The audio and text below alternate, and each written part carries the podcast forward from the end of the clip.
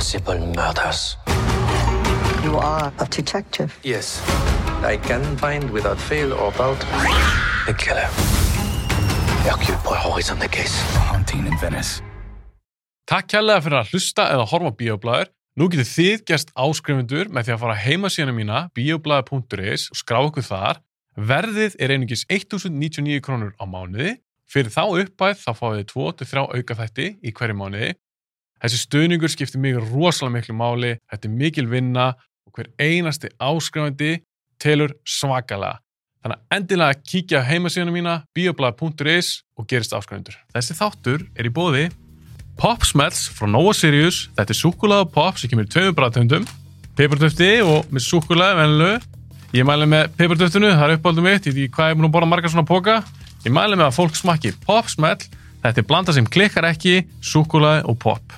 Sambíóna. Sambíón reyka 5 kveikmyndahús. Eitt á Akureyri, eitt í Keflavík, þrjúinn í bænum, Álabakka, Kringlunni og Eirsöll. Eirsöllin er uppáhaldsbíó mitt. Mér finnst bara ekkert toppa sal 1 í Sambjón með Eirsöll. Ég vil þakka þessum fyrirtækjum kærlega fyrir stuðningin, án þeirra gæti ekki gert þetta podcast. Ég vil líka þakka ykkur og sjálfsögur fyrir að hlusta og horfa á bíoblæður. Endilega fylgi ég bíoblæður á Facebook, TikTok og Instagram.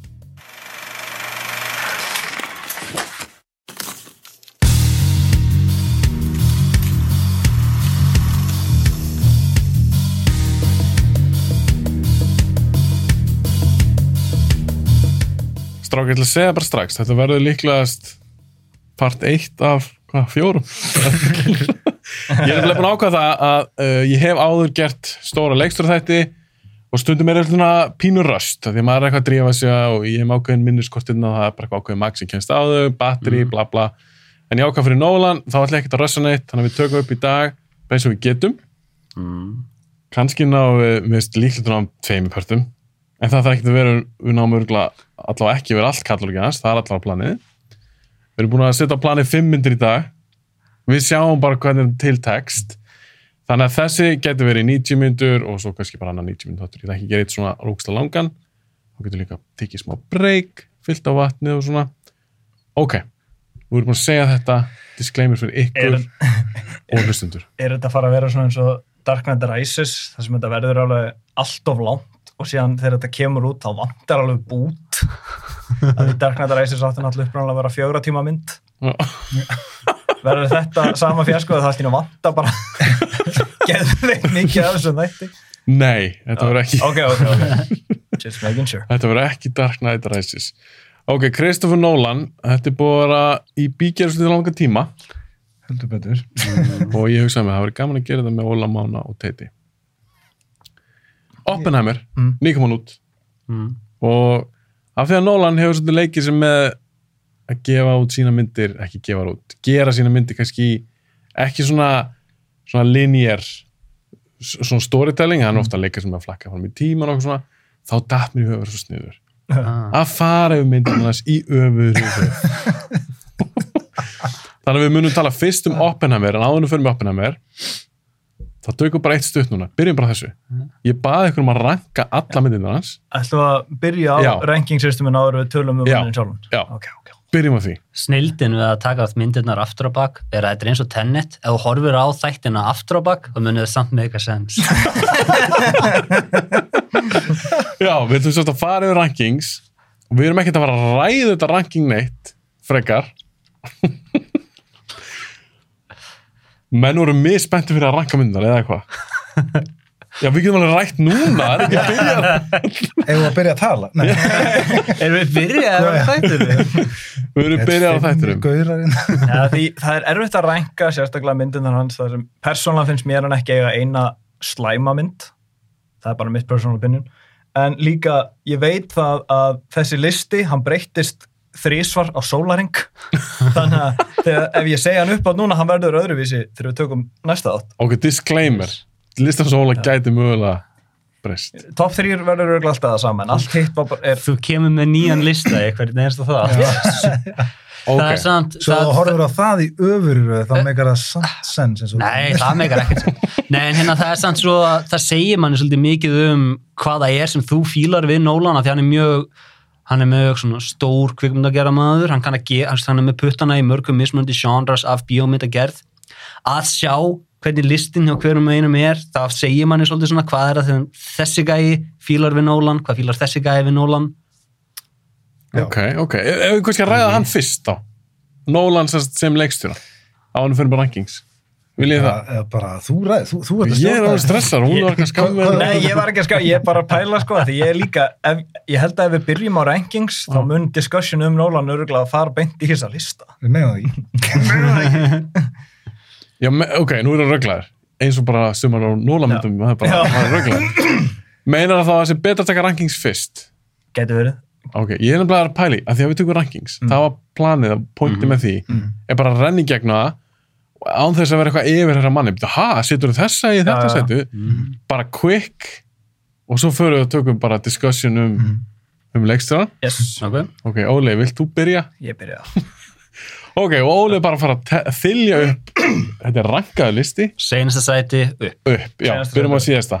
Ok, af 12 myndunum hans, nummer 12, Insomnia, uh, 11, Tenet, 10, Dark Knight Rises, nummer 9, Dunkirk, Following fyrir í 8. seti, Interstellar í 7, Memento er 6, nummer 5, Inception, 4, Batman Begins, Top 3, nummer 3, Oppenheimer, nummer 2, The Dark Knight, nummer 1, The Prestige. Glæslegt, Máni, það er þessi svona skólaverkefni. já, ég var að klappa. Óli búinn. Ok, hérna listatnir okkar eru alveg skelvilega svipa Oh, boring. það er sem sagt senasta sæti Insomnia Tenet alveg eins Já, alveg eins. Dark Knight Rises Oh. Following Inception Dunkirk Interstellar má kannski viksla, má kannski switcha Interstellar Dunkirk fyrir þetta degi fyrir þetta degi. Me- Memento Batman Begins, Oppenheimer, Dark Knight og Prestige Hei, top 3 er alveg eins. Oppenheimer, þetta er samt ennþá hér lausa lofti, ég er nýbúin að sjá hann Já, þú sást hann bara í gær. Já, disclaimer, Máni er að melda hana. Ok, Teitur, hvað er með þitt? Sko, hérna kemur eitthvað vittleisa Hérna kemur, nummer 12, Tenet. Tenet. Sí, sí, einhver skulda með pinn. Númer eh, 11 er Dark Knight Rises. Númer eh, 10 er Following. Síðan kemur Interstellar, Insomnia, Dunkirk, Memento, Dark Knight, Prestige, uh, Oppenheimer, Batman Begins og Inception. Vá, Þú var svo hratt yfir þetta. Fór ég orða? Já, þú var svolítið hratt. Ég var hann að, me- ok, getur þú sagt hann einu sinni enn? Já.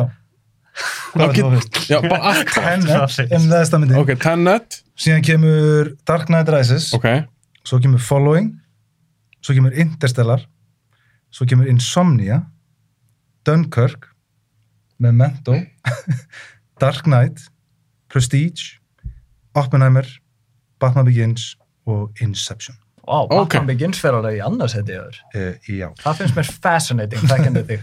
já, mann sem hatar róðum. herðu, ég hataði sterkur. Ég er að stríða þér. Ok, vil ég herra minn?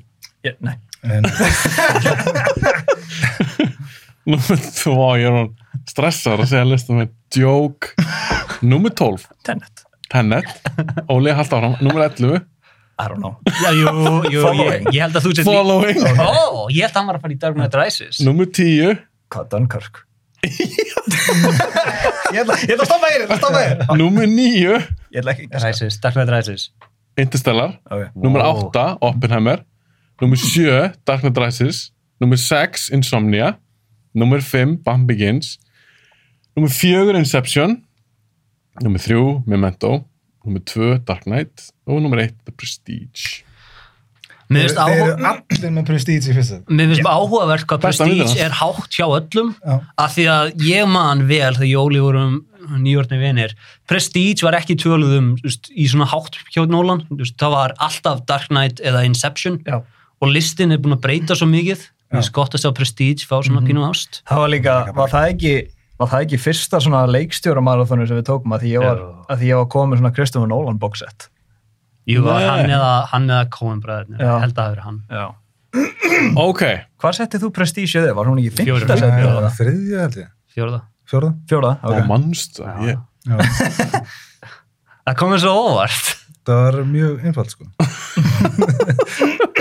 Ok. það, það er reyndar alveg nokkar rannar sem eru með jafnmörg stig hérna sko Ok, ég get ekki beðið eftir að fara að ræða þessar myndir við ykkur Mm. eins og Prestige verður ekki með í, í þetta skipti, Nei. því miður Þetta er annað sinn sem við má ekki tala um en Óli var alveg að tala um sína Warner Bros. mynd sem var in, í Inception Inception. þannig að það kemur líklegast núna í dag Ok, Kristofur Nolan Er þetta stærsti leikstjórn í dag? Já, Já.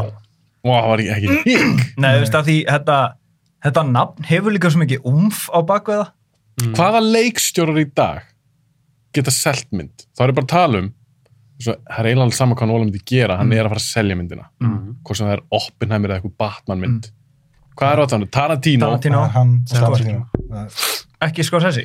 Nei, Það fer þetta kastinu. já, Eh, það skiptir engum málum með kastið á honum Nei. Nei, maður fær líka aldrei að vita hverjir eru í fucking myndunum hans. maður fer síðan á Oppenheimer og alveg, oh my god, þeir eru allir í þessari mynd. Gary Oldman. besta dæmi um það er Inception af því að þú veist hún er með DiCaprio og það er ekki hort á það sem DiCaprio mynd Nei. Nei. það er bara Nolan mynd og það er mjög góð punktur Og það er líka, það var frá, frá og með Dark Knight og Inception, þá voru myndirnar hans ekki lengur, veist, frá leikstjóra þessara kvikmyndar. Nei. það núna var það bara from Christopher Nolan. já, Inception er mikilvægasta myndin í ferlunum hans af því að Dark Knight se- setur hann á kortið Inception læsir því inn að hann er event movie Já, maker. hann er the man. Já, hann líka þarf þá, hann er að sanna líka hann þarf ekkert Batman nákvæmlega. Til að selja mynd. Nei. Ok, þannig að þið er að segja að það sé Nolan Tarantino það sé hann ekkert fleiri, ekki ég, Spielberg ég, ég held ekki sko. Mm, Nei, Big Friendly Giants. Mm, West Side Story, eða Fablemans, það er ekki margir sem fóru á hana nei. Bridge of Spies myndin okkar, teitur. Tölum um hann um daginn. Fannst þið ykkur hún góð? Nei. Nei, við vorum að tala um að við skildum ekki af hverju Stallone tók í Óskarinn yfir Mark Rylance í þeirri mynd og við alveg bara sá hann einhver. já, og vorum að ræða með út frá Oppenheimer með Downey performance því að. Downey performance er svolítið svona eins og Mark Rylance performance, það er alveg gott en þú veist, hann er betri Downey Ok, tökum það hérna setna veist, Hvað enginn er Kristján Nolan sem leikstur? Spectacle. bang Spectacle, uh, tæk, tæknivinna og sálfræði. Sálfræði þannig? mannsins. Var hann þannig? Já. Er Insomnia spektakulmynd? Er Memento spektakulmynd? Uh, Insomnia ekki svo mikið Insomnia er náttúrulega, það var bara miðin hans til þess að fá að leikstýra svona stórri mynd með stóru kasti og stóru setti og svona svona on location mynd, en ef þú horfir á Following, það er allt, öll svona fingraförin hans Nólans, þú sér þau í Following. Svona andleg, svona psychological thriller atna, með mér finnst rosalega gaman með Nolan að premissin á myndunum hans eru stundum bara einhvern veginn svona út í hött eins og bara following, já þetta eru menn sem að hann eldir annan mann. Já, Já. ok, já, þetta er svona eins og ef þú ert að lesa Junji Ito þar sem að Já, premissið já, já. er bara eitthvað, eða Kobo Abe en að því að hann skílar svo ógeðslega vel þá bara ok, ég, ég skal, ég skal fylgjast með Ég veit ekki hvað það tala um. það er, eh, Junji Ito er hryllings hérna, manga höfundur og Kobo Abe hann er bara japanskur rithöfundur hann skrifaði Hann skrifaði hann The Man Without a Face. Nei, hvað heitir the, hann? the Face of Another Face of Another. maður lendir í slísir, missir andlitið fær andlit frá raðmóringa, graftað á sig í staðinn og hægt og rólega byrjar hann að breytast svo ger hann líka The Boxman maðurinn sem býr í, bo- svona, í bylgjupappakassa.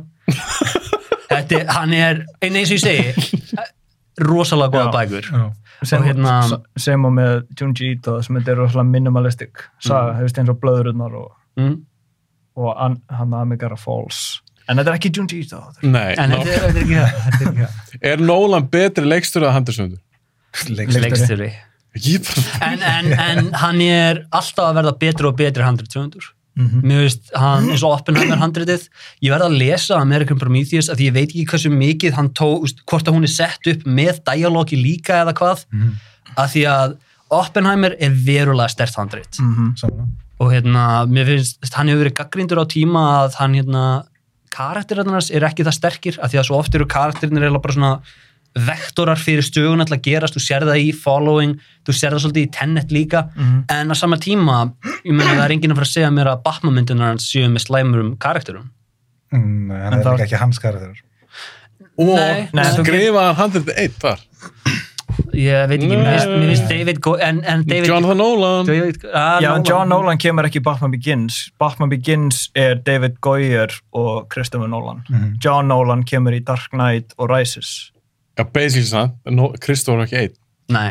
Nei, en ég myndi samt segja að Nolan er betri handriðsöfundar en David Goyer. Það er samt eiginlega ekki spurningin, þannig er ekki einn og þú sér það þérna þú sér það frá byrjununni á ferlunum hans og upp að núna karaktervinnun hans er alltaf að batna Mm Ég er ósamlega. mm. Já. Já, Ne, nema núna, ég, ég er sammálega með opina, en þú veist, ég er ég er næst, saman. ég er næst okkur. Tökum það eftir. Ok, Teitur, Kristóf Nólan, hvað hva þýðir hann fyrir þér? Set pieces og exposition. Það er góð lýsing. Clumsy Já. exposition, hvað er þetta að segja það? Fokk já, maður. Set Já. position. Já, Ok, þú segir exposition og set piece. já, ég meina hann er svona event-gaur, skilur. Já, við- við líka. hann er alveg stór og allt það, en þú veist, mér finnst þetta, ekki, já, ég veit ekki hvað maður að segja strax. Mér finnst hann ekki eldast alveg nógu vel, sko. Nólan, Nei. Finnst það ekki? Nei, mér finnst Áhugavert. samanlega. því meira sem ég horfa á myndinu hans, því verri verða þær, basically. Þetta er ekki Sumar, finnst mér. já, þú veist, jú, ég er ekki, ég er núna alhafa svolítið skilur, en þú veist, ef maður tekur eins og til dæmis Kubrick sem er svona kannski, hann er hvað mest influensaði frá, allavega stórum hluta, hann er- eldast bara að hann vera betri, Já, já, já. En hann er náttúrulega komið svo stutt, en við erum búin að sjá Hann er samt alveg Kubrick okkar tíma nánast. Já, nema, Heldur að tíminn eftir að fara eins vel með Nólan eins og með Kubrick? nei, Nei, en Nei. ég held að sumarmyndinar muni eldast rosalega vel. Þú veist, Dark Knight muni eldast rosalega vel. Kubrick var náttúrulega partur af hreyfingu sem er búin að byggja upp svo rosalega mikið en Nolan, hann er eins og Tarantino hann, kvikmyndabransinn er allt annar og það er mikið erfiðar að fá að gera bara þína eigin mynd núna en það var náttúrulega þannig líka með Kubrick, hann var náttúrulega svo langt frá bransanum, mm. það var svo mikið á sinni eigin bylgjulengd sem að hann stórum hluta til er í rauninni líka, hann er að mikið að gera eitthvað svona shit sem að engin annar einhvern veginn, Mm ég sé samt ekki að Kubrick hefði gert Kubrick hefði örgulega ekki gert Batman mynd. Nei. eh, nei, en ég meina, en ég meina Kubrick gerði The Shining. Já, hann gerði svona pop pulp svona uh, mynd þannig að Já, hann líka, Chris Nolan gerir Batman Begins og hann byggði Batmanin sinn á, var það ekki Roosevelt? Jú, Teddy Roosevelt Já, en ég get, en Kubrick hefði alveg örgulega gert mynd um Roosevelt. Já, hann hefði gert Þannig að þú ert með, ert með svona modern juxtaposition að því, þú veist, það er gaman að skoða leikstur eins og þegar vorum að bera leikstur á saman. Ef það er til dæmis hent Chris Nolan með, hérna, honum Paul Thomas Anderson, að því við erum með svona, þeir eru svolítið mótaðir af öðrum leikstjórum, að því ef Kubrick er, nei, ef Nolan er Kubrick okkar tíma, þá er Paul Thomas Anderson Robert Altman okkar tíma. allan daginn Það, að því það, þú sérð the influences, þú, þú horfir á Nashville og bara svona, já, ah, ok, núna skil ég hvaðan hún hérna Magnolia Mag alveg, alveg, þetta er Magnolia En þið myndi segja það að Nólan væri Kubrick okkur tíma.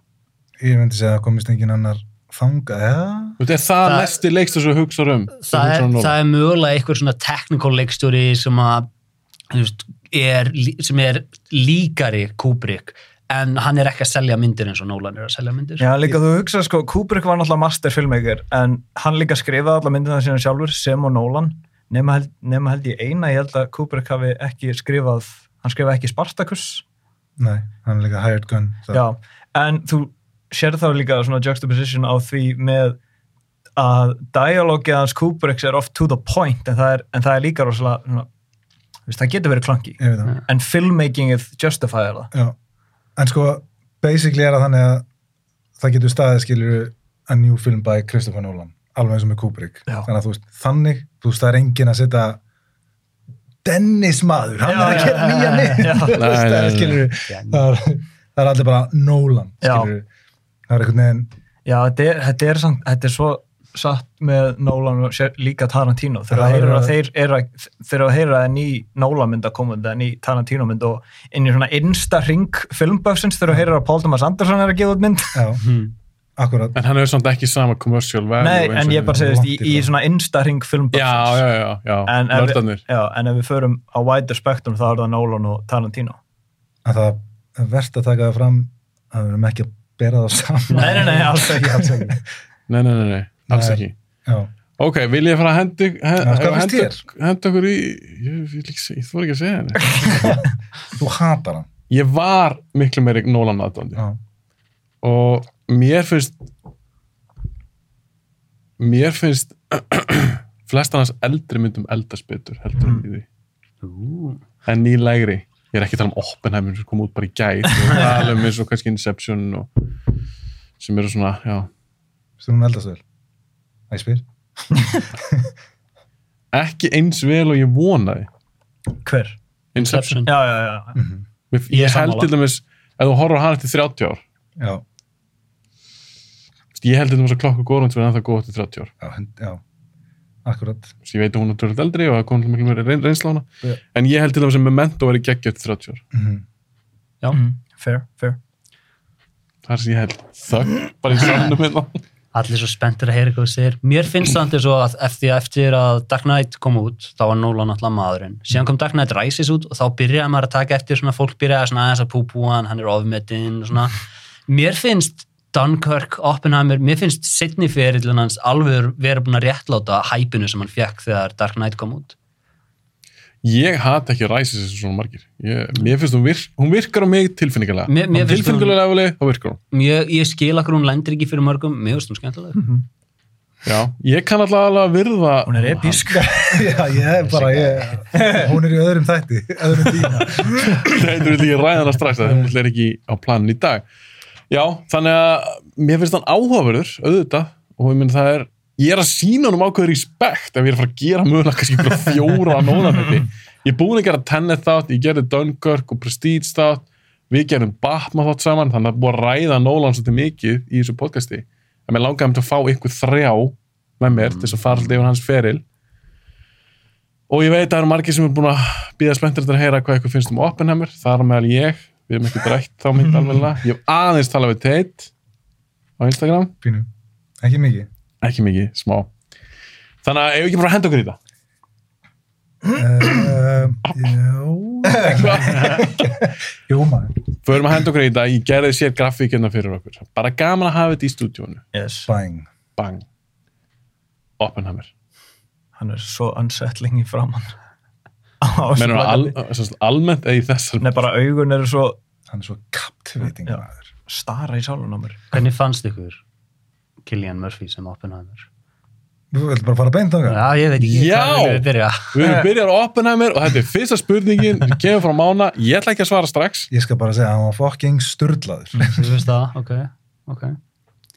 Á, ég vilti að fyrir það? Mér fannst hann geðveikur. mér, mér finnst performanceið fínt. Fínt, fínt. Já. Mér fann, ég er með tvö, ok, tvö gaggrinni ekki gaggrinni, þetta er bara svona nitpick ég kaupi ekki eina sekundu að þessi maður sé ekki írskur. Það er ekki, þú veist, það er ekki séns í helvita að maður lítur út eins og hann sé af gýðinga uppruna. Ég bara var ekki að kaupa það. Af því að hann er, hann er írskasta andlit í heiminum og Og hvað spáði ekki því? Að, að, því að hann, er, hann er umkringdur leikurum sem eru augljóslaðust, þessi gæði kemur öruglega, fjölskyldans kemur öruglega frá Pólandi eða eitthvað svo leiðis og þú sérð það svo framan í þeim.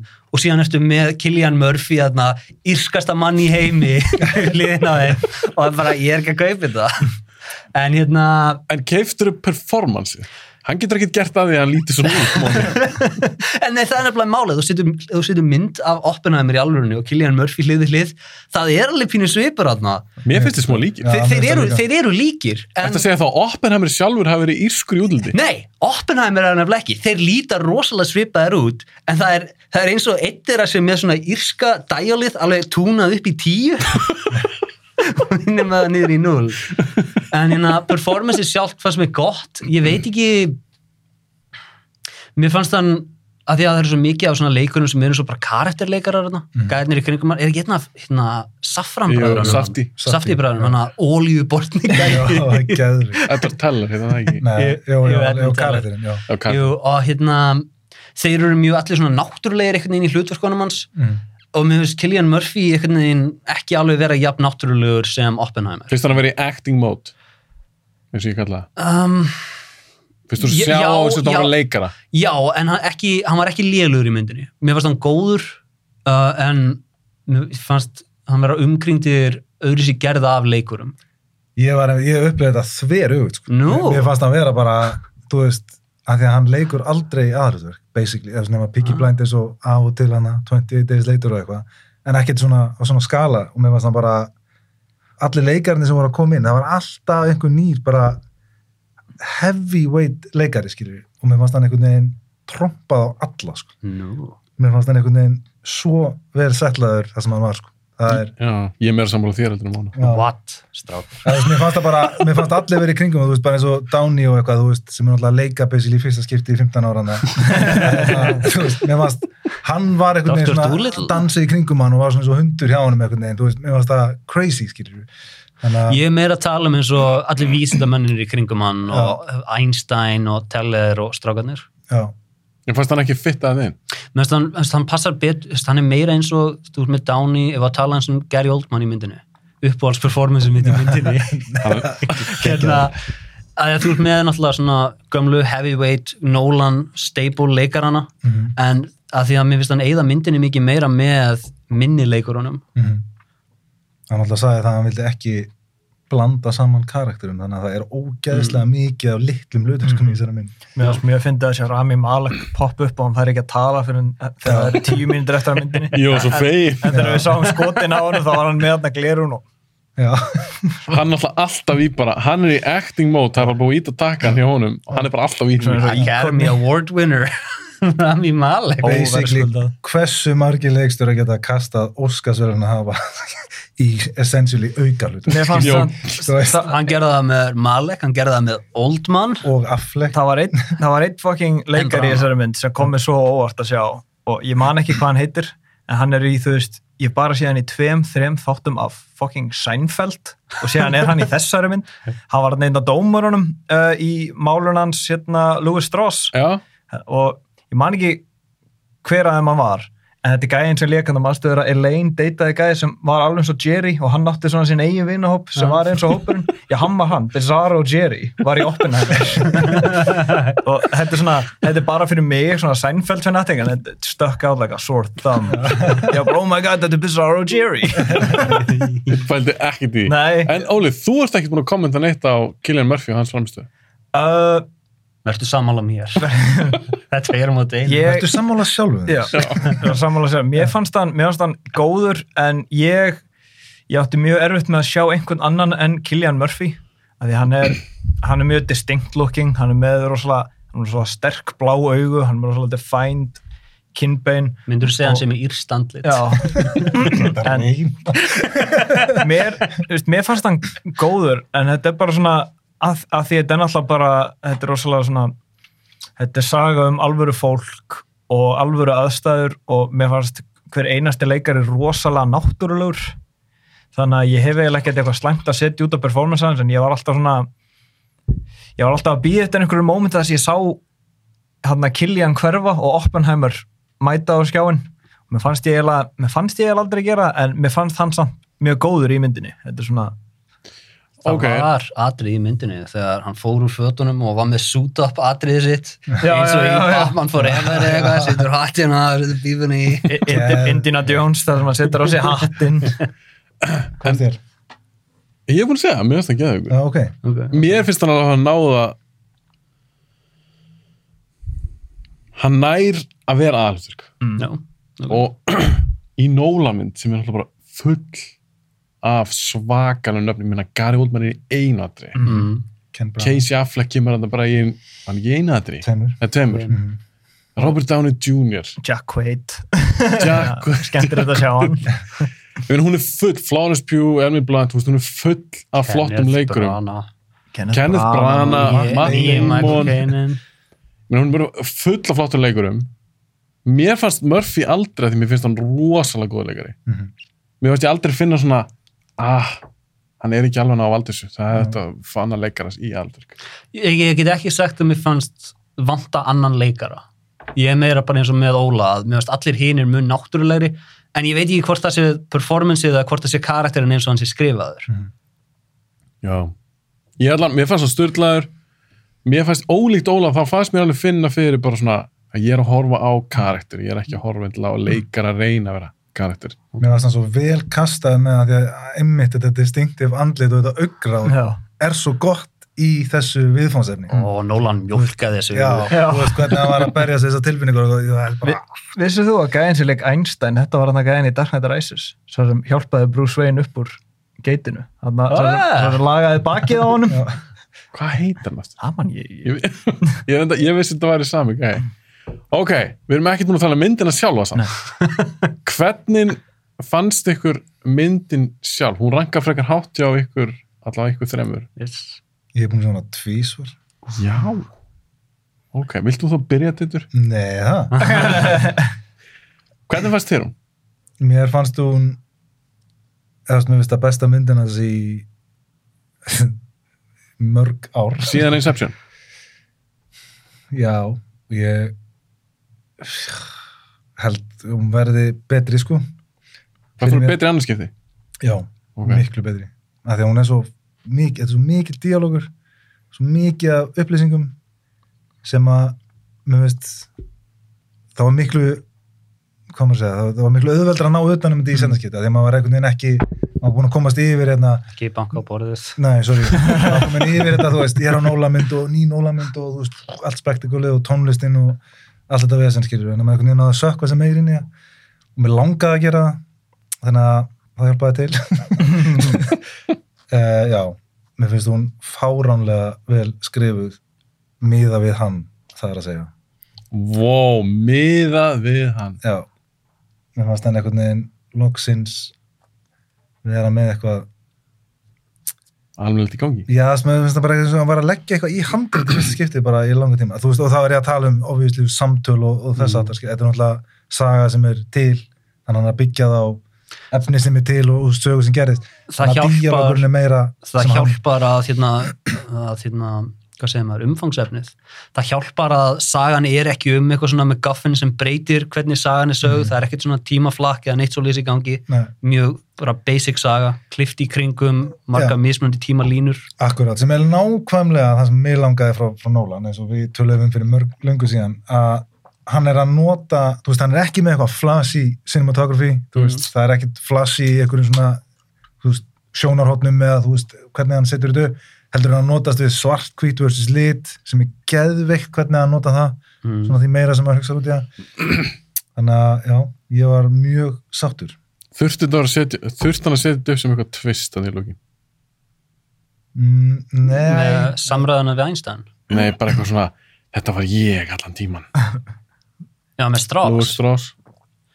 mér finnst að mér fannst, þú veist, þetta er bara svo mikið svo En þetta á, að vera klálega tvist, því svo viðtal við Downey og Nolan. mm. Þeir sita hlið við hlið í eitthvað svona, það var eitthvað svona skemmtilegt svona segment, þú veist hvað sé það. Mhm. Og hann spurður Downey eitthvað út í kar þar sem hann leika og Nolan segir bara, já, don't spoil too much. Af hverju það sett upp sem eitthvað tvist? Já, ég.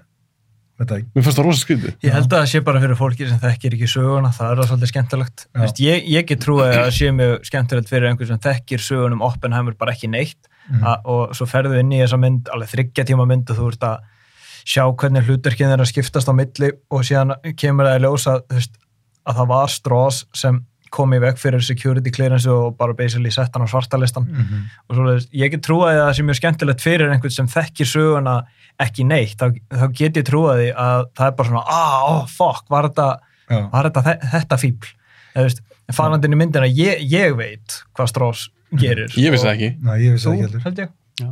ég, þú veist, maður hefur eitthvað lesið til um Oppenheimer og svona ég vissi af þessu ég, ég var meira búin að lesa um Los Alamos stótið, já, ekki hérna svo mikið kommunista En mér fannst það ekki vera að fela það eitthvað svakalega mikið. Þú Þetta er samt alveg revíl. Já, en þetta er samt ekki eitthvað svona, wow, Nei. það er ég allan mjölega ekki þannig, maður var eitthvað svona, já, ok. þetta var líka frekar skemmtilega tvinnað bara, þetta, Já. mér fannst þetta, mér fannst þetta mjög seamlessly Já. gert sem Hvernig er mjög myndin? Sjaldgæft fyrir Nólan.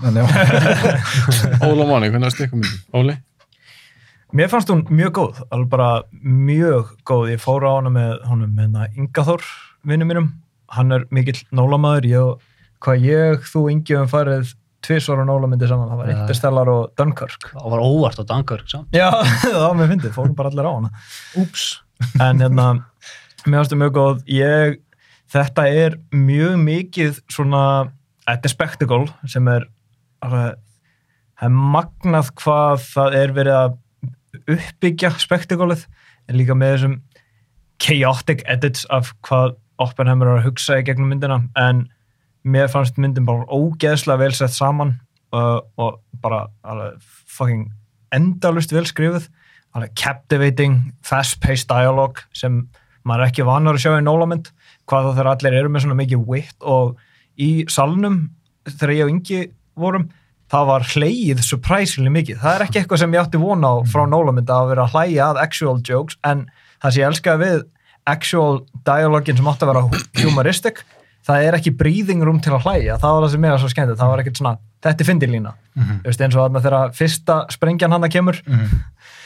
Og alveg, did we learn anything? og bróður hann segir, yeah, we learned we have to be a lot further away Já. og Matt Damon byrja strax að skipa um eitthvað annað, það er ekki tíminn til að hlæja þessum brandara, en Nei. það var samt hlægið Já. mjög mikið að þessu og dialogið er witty og uh, myndin er veist, kudos til fucking klipparans sem klifti þessa mynd saman, hún er masterfully edituð, það var þetta eitt sem fór í töðunum varstu það?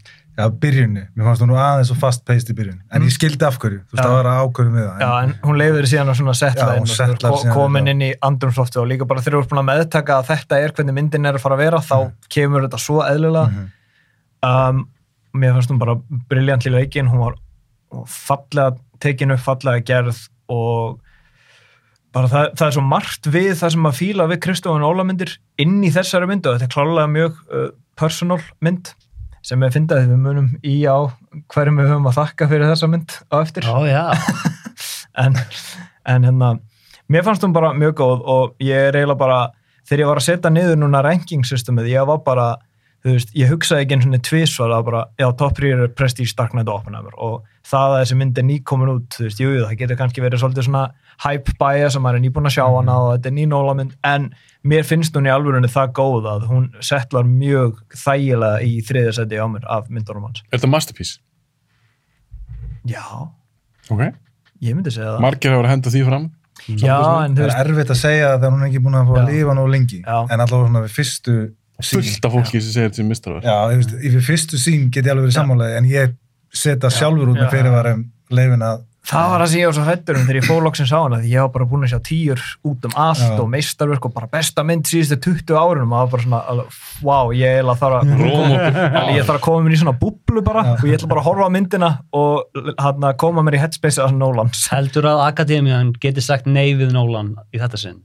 já, Heldur það? já, Ok, ok. Já, því, hann vinnur ekki sko já, því, ja, því Barbie kom út já, hann vinnur heldur ekki en Killian getur unni ef að það kemur engin Heldur að Downey vinnu? Já, já, þeir tveir vinna. 100% eða 100% Það Downey. fer eftir hvort að Gosling er tilöndu sem lítið þessar porting Ég nefnilega, ég held er aldrei að fara að vinna að ég þetta. held, ég held að myndu Man fara svo langt að tilnefna Gosling ég held að þau myndi ekki gefa hann Óskar fyrir svona performance, sama hversu gott það er Killian vinnur bara ef það kemur ekki eitthvað svona bombuð festivalmynd út sko.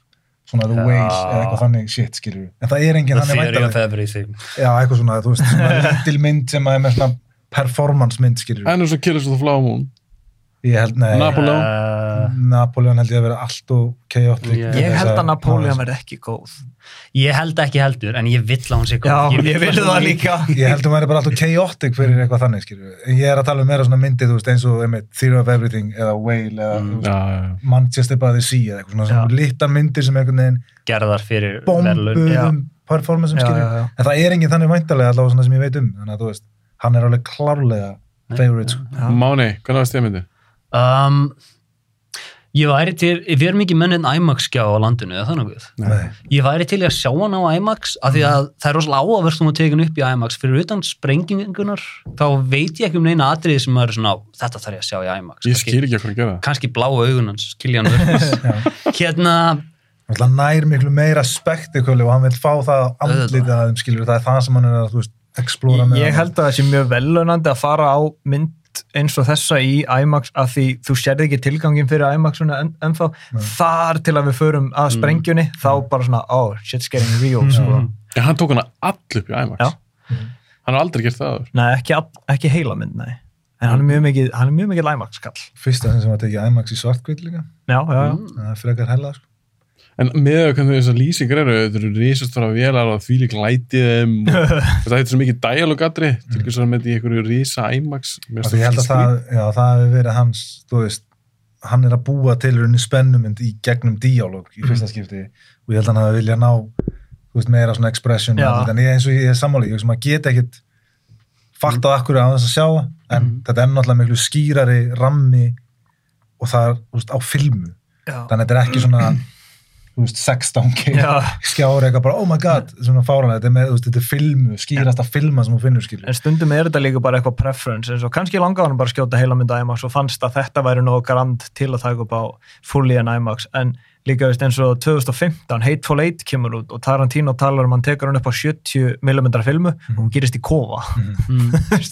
maður stundum þarf að questiona why Svo er annað við þessum mynd sem að ég var bara að heyra um daginn sem ég finnst vera því sem ég held að hafi í rauninni hækkað álið mitt á henni sko. það er hérna hann fækkaði tökutugunum af þessari mynd sko. hún átti að vera 85 daga tökur en til þess að geta skotið á IMAX og til þess að byggja hennan bæ vegna þess að hann vildi vera út í náttúrum Já, og já. sjá þetta allt, þá fórnaði hann 30 dögum Sorry, þetta 30 dögum af tökum til þess að fá því í gælskilju Já. og mér finnst það trillt það er galið það er crazy Ok, manni, varstu búin að svara? Nei, ég var ekki með að svara. Þegar myndin byrjaði, ég, hérna, ég var rosalega smeykur strax þegar við sjáum hann ungan. Já. Að Killian Murphy, það var ekki deepfakeaðan ungan sem ég get virt, Mhm. en Killian Murphy var ekki tvítugur í þessu atri og hérna, hann er að eitra eplið og síðan, síðan snýr hann svona bara, ó nei, ég var að taka eplið tilbaka og svona, aaa, þema, hmm. En hérna, wormhole. Já, þetta wow, já, þetta sé það sem myndin er um. En hérna, þegar myndin er svona almennilega kickstörtuð í stað oh, Jesus Christ, hvað hann er góð. Hérna, þegar ég labbaði út, mér fannst hún hún myndi mig á The Master rosalega þung, svona stór ensemble karaktermynd á þessum tíma. Hún myndi mig líka á F for Fake af því að hún er klift í allar áttir Hvað svo, F4? F for for Fake, Fake, þetta Orson Welles. Mynd hérna, klift í allar áttir fer út í alla mismunandi tíma ég var aldrei týndur og mér varst alveg magnað hvernig hann hafði klippið þetta saman svona ég held að hérna um, að því að hún er rosalega svona strippuð tilbaka, það er ekkert svona töfrabræð þarna í nýjusu, það er ekkert svona sem þú þarft að, eins og ég talaði um hana þegar þú að segja frá myndinni, það er ekkert tímaflakki eða neitt Nei. svona til að klippa myndina í kringum Nei. ég held að það eftir að gera þessari mynd marga greiða á næstu árum þegar hérna, maður fer tilbaka á hana því hún er hérna hún er ekki læst á baku eitthvað svona sem þú þarft að trúa Nei. eftir að eldast vel bang Bang, ég verð neikvæst í görinn. Nú, sjokk. Kottum með Ég er ekkert alltaf... ég fór ekki ég veit, ég er, að grilla þig. Þú vildir fá Nólan í karakter vinnu aftur. Ég held, ok, en ok, nú, nú, nú, nú ætla ég að segja, Hlustaði hann ekki á þig. nú ætla ég að segja rauninni fyrst, ok, ég held kannski þetta væri svona mynd, svo ætla ég að fara út í, ok, hvað er það sem ég fekk. Ég held ég væri að fá dramamynd, ekki thriller. Og mér fannst pínu skrítið að það skildi ég var svona von einhvern veginn að næði að taka, ég veit að hann má ákveðin stíl sem hann er búin að byggja upp núna síðust árin. Ég held kannski að hann myndi kannski aðeins svona Mhm. slaka á. Mm, mm. hvað er bara með eitthvað góða dramamynd. Af því mér fannst drama í þessar mynd ekki virka. Það er náttúrulega því að það er náttúrulega því að allar dramatísku sinnundar eru með action music undir sér. Af því myndin heldur aldrei kjafti Ja, ne- En þegar hún gera það, damn it works. hvenar var það? Sprengjan. og hérna og, og, og nokkur, nokkra boardroom sinnur og nokkra sinnur með Mér Downey. fannst eitt fallegast atrið var þegar hann er að lappa hann inn að fara að gefa ræðuna sína það er geður háa í kringum hann síðan heyrir maður ekki neitt og bara svona sprengjan í bakgrunnum svona rosalega látt og síðan heyrir eitthvað svona að- bara írskur eitthvað er að öskra að hann eitthvað hryllingum og bara svona Jesus, hvað kom þetta? mér fannst það að myndin sjálf var veginn alltaf í gangi Ja. einhver að tala ógeðslega hratt þessi Ludvig Göransson tónlist bara þó þessi rosa flott allan tíman Mm. eða eitthvað brjáli svona sprengju effektar veist, ég var líka bara svona vá, þú veist, fær ekki neitt að anda Mm. eins og Óli tala um á hann húmor að kannski koma einhvern brandar eða eitthvað og það var bara einhvern veginn ekkert bríðin um fyrir að hlæja mér fannst þessi öll myndin vera þannig Hefur viljað að hann væri 20 mínútur lengri? nei, alls ekki ef ég fer út í það sem ég fekk Já. ok, ég fæði hann hennar thriller og ég, þegar myndi á kannski svona kannski klukkutíma búin hugsaði mér, úf, vá, ég lægt að sjá þessa aftur maður, ég þessa þarf ég að tjekka aftur mér finnst fyrstu tvei tímanu það er svona sirka. Mér finnst þeir tölvöld betur en síðast klukkutíma Okay. myndið þið taka undir það? Los Alamos parturinn á lífun hans Oppenheimers er áhugaverðasti Já. parturinn. Og ég veit ekki, ég veit ekki hvernig þú hefði sagt söguna af, hérna, af þegar að vera eldan niður fyrir að vera kommunisti ég veit ekki hvernig þú segir þá sögu eftir Los Alamos ef þetta er ekki thriller. Annað, ég var, ég hef bara búin að sjá hann einu sinni og ég finn það líka, ég er ekkert finn mig ekki knúin til að sjá hann aftur okay. að þegar myndin kláraðist þá var ég bara svona mm, já, já. Ég fann ekki fyrir svona ég elska að ég fæ svona gæsóðu moment eða er karakter moment. Auðvitað er gaman að horfa eitthvað gott spektakul og wow, þetta er thrilling. En það er eitthvað svona karakter moment sem er alveg oft í hans myndum það er þess í Memento. Það er meira sem líka í Insomnia. Það er uh, í Batman myndunum hans það er oftast eitthvað. Það er thrilling þegar Bruce Wayne er að sleppa. Það er í Tenet það, Ég var bara að segja þetta. það er í Tenet, halda fram Ræð, ræðum það á eftir. Og ég, ég fekk ekki þegar myndin endar. Það er alltaf búið að geima þetta Einstein spjallana alla helds myndina Mhm. og þetta vissi maður alveg að þetta væri eitthvað annað en það sem að Downey heldur þetta sé. Besides the point. En þegar það kemur að þetta síðasta lína að bara gefur það tónlistin bú, og svona nærmynd að kilja hann og svo bara svartu skjár. Ég fann ekki fyrir neinu Í alveg? í alvörinu, ég fann ekki fyrir Ég neinu. er sjokkt. Já, mér finnst það, mér finnst það störla. Já, mér fannst það bara ekki styrlað og eins og ég sagði við þig Jesus, fucking feedback mækni eins og ég sagði við þig, Teitur þetta er kannski hot take. Mér finnst þú vera meira style over substance Já. eins og margar af hans myndum. Ú, og þú talar um eitthvað, nokkra myndir eða tvær myndir sem minn, hún minni þá já, þessi mynd myndi mig rosa mikið á JFK Já, sem ég gíska á. já, þú giskar á það og ég get séð það og ég horfði aftur JFK, ég sé hann á nokkur sinnum Ég ger það líka. já, Gary Oldman er í báðum. og það, þú veist, það er svartkvít dót í henni Já. og það eru báðar þryggjartíma myndir og það sem að ég held líka að Oppenheimer myndi fjalla um og ég hugsaði, þegar áður í svo myndin ég hugsaði mér, já, Nolan er pott að fara í þetta og það er geðið þetta áhugavert ég held að myndi myndi fjalla mestum mann sem tekur þátt í þessu að gera þetta, þennan verkna sem verður til þess að 200.000 manns deyja. 220. 220.000 manns deyja. Að hann var með mestu sektakent ever. Og það væri myndin. Mér finnst það ekki vera myndin. Finnst þú ekki finna fyrir því? nei, Ekki neitt? í de... þetta, minnst það svo mikið surface level Já. það er sér að tala um. Hún ristir rosalega grunt hjá mér. Heldur að hann sá eftir þessu? I'm just asking, I'm just asking. Mér finnst, já, ég, er bara pínu sjókt. já, en svo horfði ég þetta JFK ég er ekki að tala mikið um JFK í þessu- í þessu þætti en svo horfði ég á JFK og mér finnst ég finna meira fyrir því hvað það mál hafði mikil áhrif á Jim Garrison, sem kostnilegur heldur en það sem Oppenheimer er að gera í Oppenheimer JFK er Oliver Stone eða ekki Jú. Oliver Stone er alveg, hann er í þeim heimisamt svo mikið meira Nú, mæri, þú veist, mitt argument á móti þessu er hver er einmitt með, að hver er með brakandi stólin er það þú? Nei. ekki ég. Ég er sallakennur. Já, þú veist, með JFK, að því ég horfði mitt líka á hana, að því, þú veist, mér finnst þessi mynd einhvern veginn ná svo mikið hún er ekki að segja neitt, hún er bara að horfa á hann og hann er bara að túlka það með augunum í staðin fyrir að fara í eitthvað svona senur þar sem konan hans er að vera brjáluð og þú veist, þar sem börnin eru grænjandi og þetta bla bla, þú veist, eins og gerist í JFK ógeðslega mikið til að sína hvað þetta hefur mikil áhrif á hann, skiljur. Mm. Mér varst það vera áhugavert í þessari mynd, ef við vorum einhvern veginn ekki, við vorum bara að túlka það sjálf, hvernig hann var að díla við þetta. ég hef alveg til í það ef ég kannski fengi meira af því Já, en myndin hefur ekki tíma fyrir það því hún þarf að fara í næsta boardroomadri Já. hún þarf að fara í næsta þetta að það já, Mm. að þetta er spennumynd thriller með díalóg. hvað finnst þess meira spennandi? JFK eða Oppenheimer? Svarið var að að að flýja hann er að fara að flýja Ég veit ekki, ég get ekki upp á millið það, sko. Vá, mér finnst stjartfræðilega munur á Ég veist, sko, að þeir eru báðar byggðar á sannsögunum atbyrðum sem maður veit hvernig fara þannig að maður er veginn svona þá, þá snýstu þetta bara um kvikmyndagerðina já, og hvernig leiksturinn nær Já. að fá þið með í eitthvað ferðalag. Já, og þegar það er tveir tíma liðnar JFK, Já. ég er ennþá bara já, mér finnst það vera að því, það er akkurat það sem ég var að lýsa, mér finnst það vera öðruvísi take á því, skilju Mhm. mér finnst JFK meira í þessu basic take sem er ekki slæmt, skilju, bara mjög geggjum mynd og allt það, en meira, en mér finnst hann vera meira að láta okkur púsla inn í finna hvað honum já, en svo, er- já, eins og með það samt sem er svo fyndið við Nolan Mhm. hann gerir svona svo flókna myndir og það er svona, hann hugsa með sér ég treysti áhörðan til þess að púsla þessu saman Mhm. en svo gerir hann eitthvað svona barnalegt eins og það er í myndin þegar St- Strauss er að tala við Oppenheimer Mhm. Did you hear about Fuchs?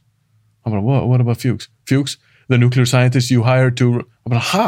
Mhm. Er þetta að segja við Oppenheimer hver hann er? Þú veist, þá er þetta komið með eitthvað svona exposition dot hann er með rosalega mikið Já, og að- það er já, í flestum hans myndum já, þannig að þarna, hann tristi mér ekki þarna nei. og svo með þess að- klift á Fuchs Mundið þú eftir fjúks?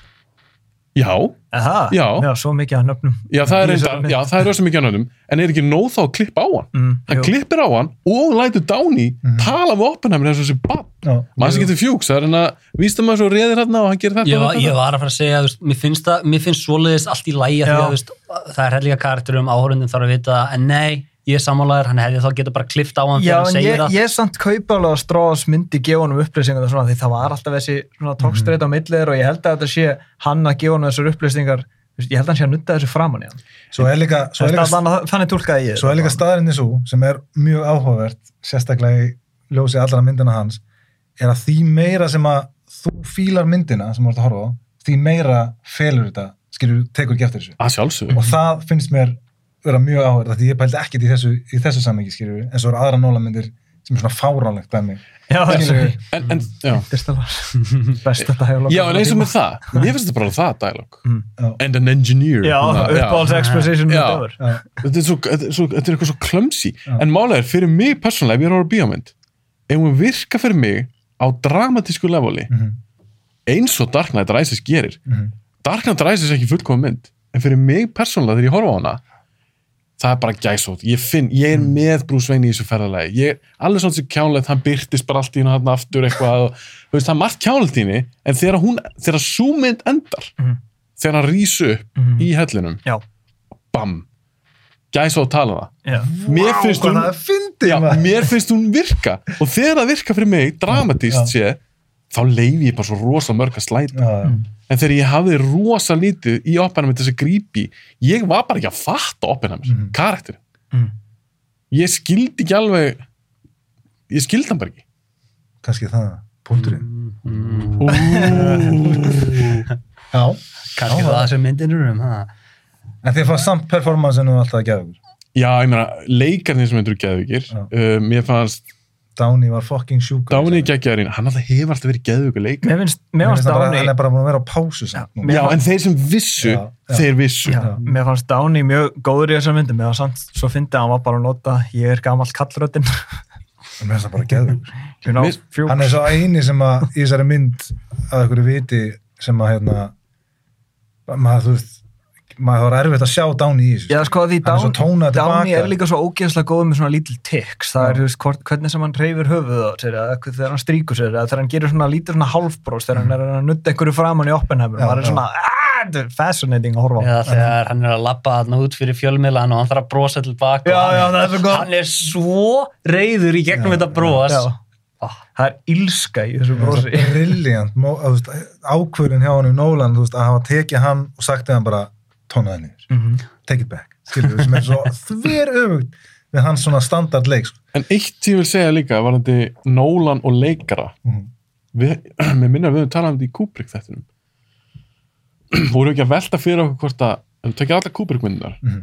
hvað eru margar framistuð þar sem eru bara svona wow, þetta er besta sem ykkur hefur gert Mhm. flesta er, þar, er það samt, voru við komnir á það? í í Kubrick, já, ég myndi þú veist allavega er Jack Nicholson í Shining er það besta framistuð hans? Eh, nei, það er með einu af tveimur movie stars hjá honum basically. En þú veist, ef þú tökur Clockwork Orange Malcolm McDowell. engi, þú veist, það veit engin neitt annað með honum nei, ég held sé allir sammála því. Barry Lyndon, þú veist hann var náttúrulega smá stjarnar á þessum tíma en ég myndi segja að það sé sennilega besta hlutverki hans. Og svo, Full Metal Jacket. Já Hjá hverjum? Modine? Vincent- D'Onofrio. Vinny D Já, mögulega. Æ, ég veit ekki. Já, Nei, ok, já, það sem ég ætlaði að fara að segja og Rósa Nólan. Já, mér finnst hann eiga rosa margar af því hann er rosa hann er teknísku leikstjóri Mhm. og þetta er spektikul leikstjóri Mhm. en það eru ógeðslega margar framistur í hans myndum sem mér finnst vera styrla Já, ég elska að hann er farin að nota Matthew Modine að því hann waste á honum í Dark Knight Rises en hann var, hann var mjög góður í Oppenheimer. Fyndi samt að hann er í flestum tilvíkun nema kannski akkurat núna í þessari mynd. Flestum er þetta samt eitthvað svona auka hlutverk mm. eða þú veist ekki aðalturki Guy Pearce er í já og jú veist, ég sé flestum. Já, en þú veist, það er, þú veist, veist, Robin Williams, reynda Pacino líka en þú veist, það er kannski ekki besta Williams. Finnst þú Robin Williams betur en Pacino í Insomnia? nei, en ég er að segja, þú veist ekki? Mér finnst það ekki Wow, þetta verður hann sko geðveikur í- samræða. en svo það er að býða með. samt að maður hugsa út í að þetta er náttúrulega ekki besta hlutverkin hans Robertin í, nei, Robertin Robin Williams. William? Ó. Williams, Hvað er að tala um það? ég segi með að þú veist að tala um bestu performance Ok, kannski ekki endilega bestu Nei. en þú sérð bara, vá.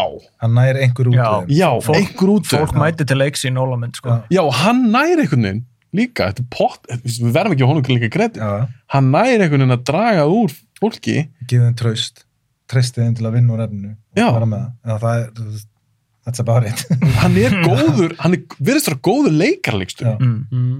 sem ég einhvern veginn sem er, var aldrei búin að tengja almenna við það. Sem er svona svo fyndið vegna þess að svo ko- kemur hann með þetta expositional shit sem er svo von Já, það er handritið. Já ég svo- veit það, en þú veist, þú er hann að horfa á leikarana þú veist, og getur einhvern veginn ekki túlka performancein í gegnum það. En þú veist, það er meira bara svona in general performancein einhvern veginn, skilur Já, mér finnst það bara skrítið en stundum er hann gera eitthvað tennet og það er bara ógislega flókin svona mynd og erfitt að fylgjast með henni. Mm -hmm. og hann svona, já, ég treysti ykkur til þess að pústa þessu saman. Já, svo kemur eitthvað svona, eitthvað and an engineer. Já. Hvað segir þið þetta, vinir? Við erum bara að hlusta. Að. Um, just a humble servant. Lowly shoots mér finnst þetta alltaf vond þegar þetta er í myndunum hans. Mér finnst alltaf eins og þetta er svona uh, það eru góðu leikarar, nei hvað sér Nei, já, þeir eru góði leikarar, ég vil að hann fái bara veist, einhverja gæja á götunni. Já, hann gerir næsta Happy Madison mynd.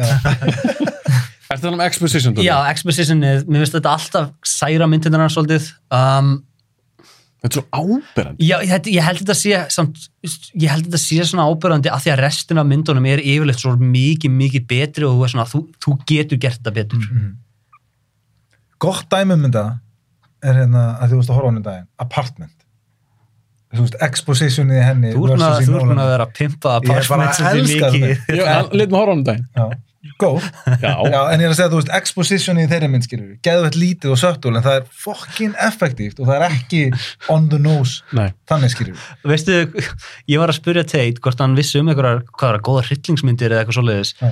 og ég fekk frá honum, nei, en ertu búin að sjá er líka bara Svipuð og einhver reyðismynd. eða eitthvað.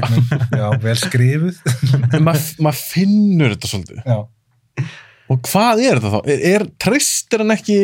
áhörnundunum það er það Já, en þá ger hann ekki. Nú, hann- enda er hún bara exposition þú veist, út í eitt þeir Hún er, hún er conceptmynd Hún er conceptmynd Já, ég, ég er hann að átta má hann...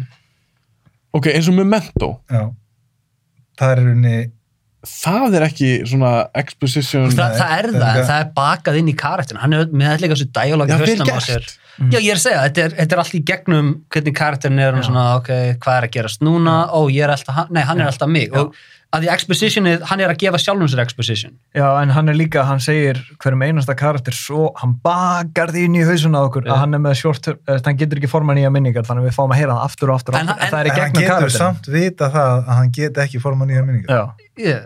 that's the one thing he knows. Ok, en eitt, eitt líka varðandi að því hún er ekki í réttri röð, Oppenheimer. Var það möst? Nei, Ha. var það mest að hafa hann allhorður Nei, ég svona, alveg- já, jú, samt með hvað hann er að reyna að gera Að því þegar hann hefur að leika sig með það, þegar hann klipp, ég fór að Mm. pæla í þessu, þegar hann klippir myndin sínar, í Memento, það er point með því. Mm. Ástæðan að Memento er klift svona, er út af myndin sem hann, Mhm. út af sjálfur myndinni Já. en hún verður eiginlega að vera þannig Mhm. finnst mér, þess að vera jafn effektiv Prestige líka, Mhm. Prestige fjallar um töfrabræð og sleight of hand og svona Eh, Inception er náttúrulega kliff bara eins og draumar eru Mhm. það er pointið myndinni En hún er samt mestalegi bara linear, Já, einu hún svona er- flashback-dótið er Já. bakað inn í draumana. Mest Já. straight forward Nolan myndin, það er ránnægli. já, já, hún er svo, auðvitað, en eins og það er eins og hann segir í atrið, það er við erum bara alltaf mætt í atrið Mhm. og hann segir, svolítið, draumar er svolítið svoleiðis maður Já. bara alltaf mættur ykkurt Já. myndin er svolítið þannig sem mér finnst make a sense fyrir myndina Mhm. Tenet líka, alveg sem að koma finnst um þá mynd þá er core konceptið tímaflakk Mhm. Mm. ég fór svona veltum með Oppenheimer er það, Dunkirk var líka svona er hugsaðan veist bara, ég verð bara að gera svona Uh, ég er Nolan Sko, Ég- Dunkirk fannst mér að fokkin virka vel. Það er mitt álit. En í þessari, sko, þetta er svart... það rung í Oppenheimer? Nei, ég Nei, ég er ekki það. Ég bara Ég, spyrja. ég, held Indexa. að, ég held að hann sé að klippa bara fyrir tilfinningu. Þetta er svona eins og Lynch, hann sögurnas make it sense en öll atriðin, þetta er bara svona tilfinning hann er að leikstur þessu fyrir því. Líka, já, sorry, hún. Já, Já, já. Nei, en með, hérna, með Oppenheimer eins og þetta twist þarna, með þess twist, þarna strástæmi það sem hann, hann og Einstein töluðu um eitthvað ég var ekki var við mann alltaf sá atriði snemma, ég var ekki var við að þetta var að fara að vera eitthvað stór dæmi Mhm. Þú veist, mér varst þetta rosalega vel bakað inn af því að síðan tala er aftur um þetta setni myndinu og maður er svona, ó býtu, hérna kemur ný, svona, ný átt í myndina Mhm. af því að nú er Downey orðin svolítið mikið stærri karakter og við erum að fara að sjá hlutina frá hans sjónarhóttni Mhm. og hann náttúrulega er að upplifa atbyrður á svona allt Mm, akkurat. en Oppenheimer Já. Það er mjög er cool. það er mjög skemmtilegt að sjá svona Rashomon Já. dæmi í Og líka þegar þú veist, svartkvita, það er bara strás, þú veist, hans, hérna, upplifun á. hans point of view Já, og svo, þú liturinn með hans og mér, þú veist, mér finnst það geðveikt, sko. Já. ég sammála því, það, það er cool enga veginn, sko. það er cool, en twisti, ég er ekki þannig Einstein dótið. twisti er náttúrulega að þetta var Strauss. Louis Strauss sem var bakað þetta já, já, já, ég, nei, ég var bara hérna, ég var bara að leita af ykkur orðið til að tala um En- kvíslið já, já, já. en annað líka í Oppenheimer ég átti alveg pínar með að smá svona áttam á, þú talar um að varst aldrei tindur, ég var svolítið tindur og eitthvað þetta security clearance, ég verði að fáta security clearance. Ég var ekki alveg með á hreinu, hvað gerir það af hverju það er svona mikilvægt. Nei, mér fannst það, sko, ég geti verið sammálar í fyrsta áhörðu af því þú veist, ég var svona pínu að renna púslinni, svona allir í saman eftir það, en hún let mig, þú veist, ég hef aldrei getað að fara á Barbie bent eftir þessa mynd, sko. bara aldrei, því að þú veist, ég var ég er svo Barbie fyrst, allt annað en þú, þá var ég alveg, þú veist, bara, ó, fokk maður, hvað þú var að gerast, og ég var að púslinni saman og einhvern veginn að hugsa um hann endalist og ég horfði að heyra heimildum með um hann þegar ég kom heim, sko. Mm. Þannig að ég í held, setna áhörðu, þá var einhvern veginn fannst mér þetta, eins og segja, það settlaði miklu, miklu meira. Og mér fannst það geðveikt, sko. ég held að með security clearance hugmyndin er að hann alltaf getur ekki stjórnað hérna hann hefur minni stjórn á hvað ekki fyrir, hérna reputationinu sinu haldandi áfram og hann alltaf var tengdur kommunistunum fyrirfram. Orðspóri sínu. Og ef, að þeir, já, og ef þeir ákveða að fara á eftir honum af því þeir eru búin að vera að fara eftir vinunum hans og þeir taka þetta í burtu frá honum þá eru þeir komin með svo mikið af vopnum sem hann- þeir geta nota gegn honum og hann getur ekki svara fyrir neinu.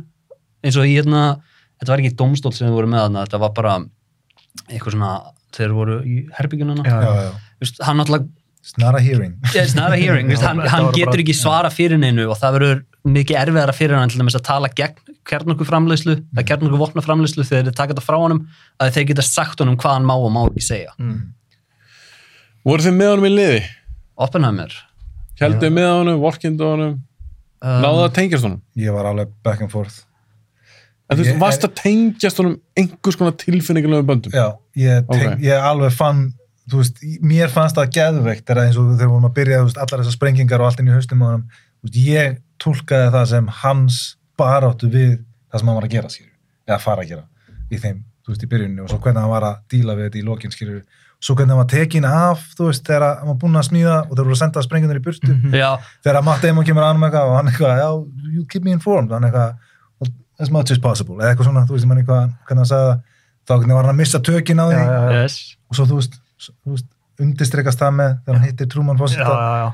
Búin að- Hann er eitthvað, þú veist, fer frá, því, fer frá því að vera mikilvægasti maður í heiminum í Já. að vera bara eitthvað svona eitthvað gæði sem bara partur af sögunni. Á sama tíma er hann að berjast við þetta er þetta rétt skilur, svo droppaði sprengjanum og hún líður eins og hann sé valdurinn að því. En svo kemur Amerikanin og er eins og Amerikanin er skilur mér finnst það samt af they don't care about who made the bomb.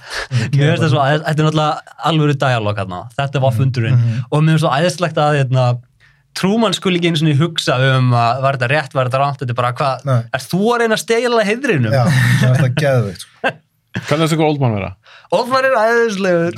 Þetta er svo góður. Hann er alltaf góð. Í þeir nefnilega voru búin að byggja upp, ég, hérna, ég spoilaði fyrir mér fyrir nokkrum mánuðum síðan að Oldman var í myndinni. Og ég hefði, ég óska að ég hefði ekki gert það því þeir eru að það var talað um Trúmann svo mikið í gegnum myndina. Og síðan fá og endur um að sjá svona, þau verðum að byggja upp fundin og að, gerði besti, besti vinnandi leikstöri, nei, leik, leikari, leikari.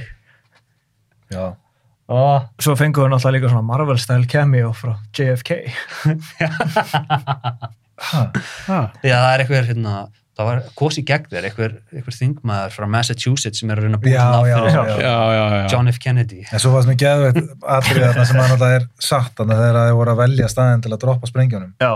Það er Yes. satt að hann val, tók hann út hann að eitt stað. Já, Já. að þetta var We Honeymoon there. Já. Gekka. En það var frá James Remar. Mm. Já, Ég held að hann hafi sagt, ég las eitthvað viðtal núna, hann leiði leikurinn um að að þeir leikarinn researchu sinn já. Mhm. að sína persóna því það var alltaf fólk sem var til Já, það, Ég var, það var satt, sko. Það gerist í alvegni. Nei, ég held að hann hafi bætt því inn í Nei, Þetta gerist örgulega ekki í þessum fundi Já, ég svona, er um en, það. en Já, þetta já. var ástæðan fyrir að hann tók Kyoto af listanum. út af því að hann Honeymoon. Já, en ég veit ekki hvort það hafi verið sagt Já, nei, það er örgulega ekki. En Rímar sagði það, ég held að það hafi ekki eins og verið skrifað Ég held að þetta hafi verið improv Það lína kemur mér ekki óvart að það hefði verið sagt að okkur svona fundi með að hvernig Amerikana geta verið. En ef við, En en sko ég er tilbúin að venda structure myndarinnar að hún sé svona cut á milli black and white og svoleiðis, en ég, það er hægt að justify það út af sagan er sögð frá þessum tveim sjónaróndum að því ef þú ætlar að ætlar að reyna að justify að það að myndin á ekki að vera sögð á þennan nátt, þá þarfst að taka út strás. Ég er ekki að segja þetta sér rám Já, ég veit, Ég ég bara veit. velti þessu fyrir mér. Já, veist, ég er að segja, ef þú vilt hafa Louis Strauss og það konflikt í myndinni, þá finnst mér eins og þetta sé leiðin til að segja þessu, en ef þú sleppir Louis Strauss karakterum, þá getur þú spilað þessa mynd straightforward. Hefði myndin verið betri eða virka betur ef við höfum vita allan tíma að þetta væri strós af því að það er revíl Þetta var Það- hann ég, Fatti hvað ef við já, ég held að það, ég það held virkar að- betur? Ég held að það hefði ekki breytt einhverju svakalegu, held ég. Þú veist, þetta er svona, Þú náttúrulega, þá hefði myndin verið tekinu öðru þessu upp, hann hefði náttúrulega fókusað á meira sína strós, stingan í bakið þegar hann gata og þú ert að sjá Oppenheimer vera pínu svona naív á móti. Ég veit ekki, ég, þetta stróstæmi ángra mig, ekki veginn, ég sko. var, mjög að þetta bara fínt. Um hvað er Oppenheimer? Og The American Prometheus. Hann gaf þeim vopnið sem að leifið þeim eða sjálfum sér og síðan lifir hann pinta, hérna, í pyntingu af eilífu. Bang, vel gert. Uh, að því að Er- þetta var er- skrifað svona í byrjunum á myndinni. Nei, er þetta ekki bara eins og sumar okkar uppáhaldsmyndum, er þetta ekki bara samband millir manns og maskinunar? Ég, ég, ég. Mér finnst það svo, ég skil Hann ekki, ég, næ ekki hvernig, Þetta, er Top Gun fyrir nördana. hvernig þú fegst ekki þessa tilfinninga tilfinningu út úr þessu vegna að það er klálega það sem hefur hylla Nólan við þetta mál þetta er loka dæmi hjá honum þú veist, þegar hann segir ef við ítum á að taka hann þá getum við sprengt heiminn, skilur og svo segir Einstein it possibly you already have? Við, þú veist, og af því að það er satt, við erum ennþá að lifa í þessari ótt, skilur við, sérstaklega núna. Mér finnst að það var uppáhaldsinn að karaktermomentum mitt þegar Einstein er að tala við hann um mástu þegar þú komst til mín og varst að gera lítið úr mér af því að ég, ég gat ekki fyllt heiminum sem ég opnaði. Mhm. Þú ert þar núna. Já. Maður er svona, wow! Já, þessi velum voru ekki fyrir mig, þau voru hann fyrir ykkur. Já, ég Ég held að uppáhaldsmomentum mitt í myndinni, pínu lítið moment, en ég fokking elska það. Það var þarna þegar það var revílað hvernig uh, uh, Pash, hérna það ekki, Officer Pash, sem hérna, nei, Affleck, Casey, Já, Casey Affleck leikur. já. Ég elsk, Pash. já, Pash, eh, held ég. Þegar hann revílaði það að, að hann var, að hann var fluttur. Mhm.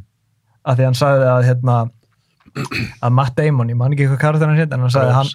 Já, Groves. Groves, hann sagði hann að Groves hafði fært hann um deild Mhm. og við sjáum svona lítið moment að það sem Oppenheimer fattaði, að hann vendaði mig actually Já. þú veist, hann gerði eitthvað, hann gerði eitthvað sem ég baði hann um, en það er það sem ég fílaði við karakterin af Groves, að því hann tók aldrei pride í þessu, já, hann montaði þessi aldrei af neinum afregum Já. og það, þetta er svo gott moment það sem, þú veist, ert búin að vera fylgjast með og hann segir bara, uh, General Groves færði mig til London til að fylgjast með öllu hinnu í staðan fyrir að fylgjast með Oppenheimer og Oppenheimer bara, god damn it Groves you did it, og ég var bara svona oh, Já. því lít karate moment En mér finnst líka bara, mér finnst geðveitt hvernig hann tekur ekki basically afstöðu í þessu Groves, Nei, bara Nolan. Nolan. Nolan Þú veist, mér finnst það Nú er alveg tók, ég ætla að segja eitthvað ekki. að, já, Takk fyrir mig. ég get, hérna, ég get, ég get bætt aðeins á þetta að því að þú ert með hérna myndin talar aðeins um samband bandaríkja við Mhm. kommunismu á þessum tíma þú veist, jú, Oppenheimer var með þeim í hann kommunistaflokknum, Mhm. það voru allir kommunistar á þessum tíma, ef þú varst, ef þú varst cool á þessum tíma í bandaríkjunum þá varstu kommunisti, Mhm. Já. það var engin, engin töffari þarna sem var ekki kommunisti en ríkistjórnin það voru engin kommunistar komnir inn í ríkistjórnin þarna Nei. og Groves kemur frá þeim skóla Já, ef þú hefur, ef þú hefur na, vilt skoða hvar uh, bandaríski herin var í á þessum tíma, þá getur lesið hérna, ég held að það hafi verið- sjáarflótin hjá bandaríkjunum þessi gæjar hötuðu, hérna, gýðinga meira en þetta það er svo margir mismunandi hugarheimar að berjast þarna á þessum sama tíma Mhm. en Nolan er ekki að segja þér, kommunistanir voru vondir eða, ó, bandaríkjamennir voru vondir Nei, Hann er, svo- þetta er rosalega bara svona hérna eru allar mismunandi hugmyndunar sem voru að berjast á sama tíma og hérna er hvernig samböndin á millið er að breyttu.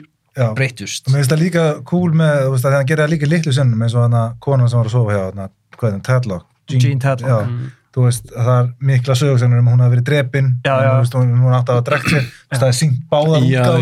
og mér, ég fíla það ógeðslega það mikið, er hann mjög, ekki, haunt, já, það hann er er ekki, mjög haunting edit. Já, og þú veist, hann er ekki að taka henni afstöðu til raunin neins, skilur, og mér finnst það, já, fílaði það. Mm. Hann tekur sér ekki afstöð en hann er eldur ekki að bakka í burtu frá að sína hvað þetta er. Hann Nei. sýnir allan Já. veruleikan Já. eins langt og hann getur. Já, Já, ég meina, auðvitað er þetta líka bara smekksatrið og stundum bara virka myndi fyrir mann og stundum ekki. Já. Mér fannst bara, ég var með myndinni fyrstu tvo tímana. er þetta ekki svona mynd sem þú getur, myndir horfa á þetta svona tvö ára og bara, það er kannski hægt að kíkja þetta á hana. Jú, en aldrei sé aldrei. Nei, Ég meina, ég var pottið eftir að horfa, ég var pottið eftir að horfa aftur á hana einhvern tíman, já, en ég finn mig ekki knúin, ég geta aldrei frá aftur í bíó. nei, Af því ég gæti ekki setja hann í þrjá klukkutíma og hort á bíómynd sem að ég er bara ekki að tengjast á neitt hátt. nei, Ég að koma ein, eitt annað dæmi ef við mynd sem ég horfði á fyrir til dæra stuttu Mhm. síðan, sem ég fann svo leiðinleg og ég var búið með klukkutíma eða 80 mínútur Mhm. og ég sendi þér skilabóð bara, teitur, er ekki er eitthvað, er ekki eitthvað fyrir að gerast í þessari mynd er ekki eitthvað, Flash. nei svo leiða myndina og ég klára hana og þá fekk ég svona wow, ok wow, veistu, ég þessa mynd verði að sjá aftur Mhm. það er tár já. Ó. Ég er sammálaður, hún eldist tölvert betur. og hún hangir rosalega í mér Já. þessi mynd, ég Já. hata hana fyrstu 80 mínútur eða eitthvað Já. og ég pindi mig gegnum hana því við vorum að fara að gera nóskastátt Mhm.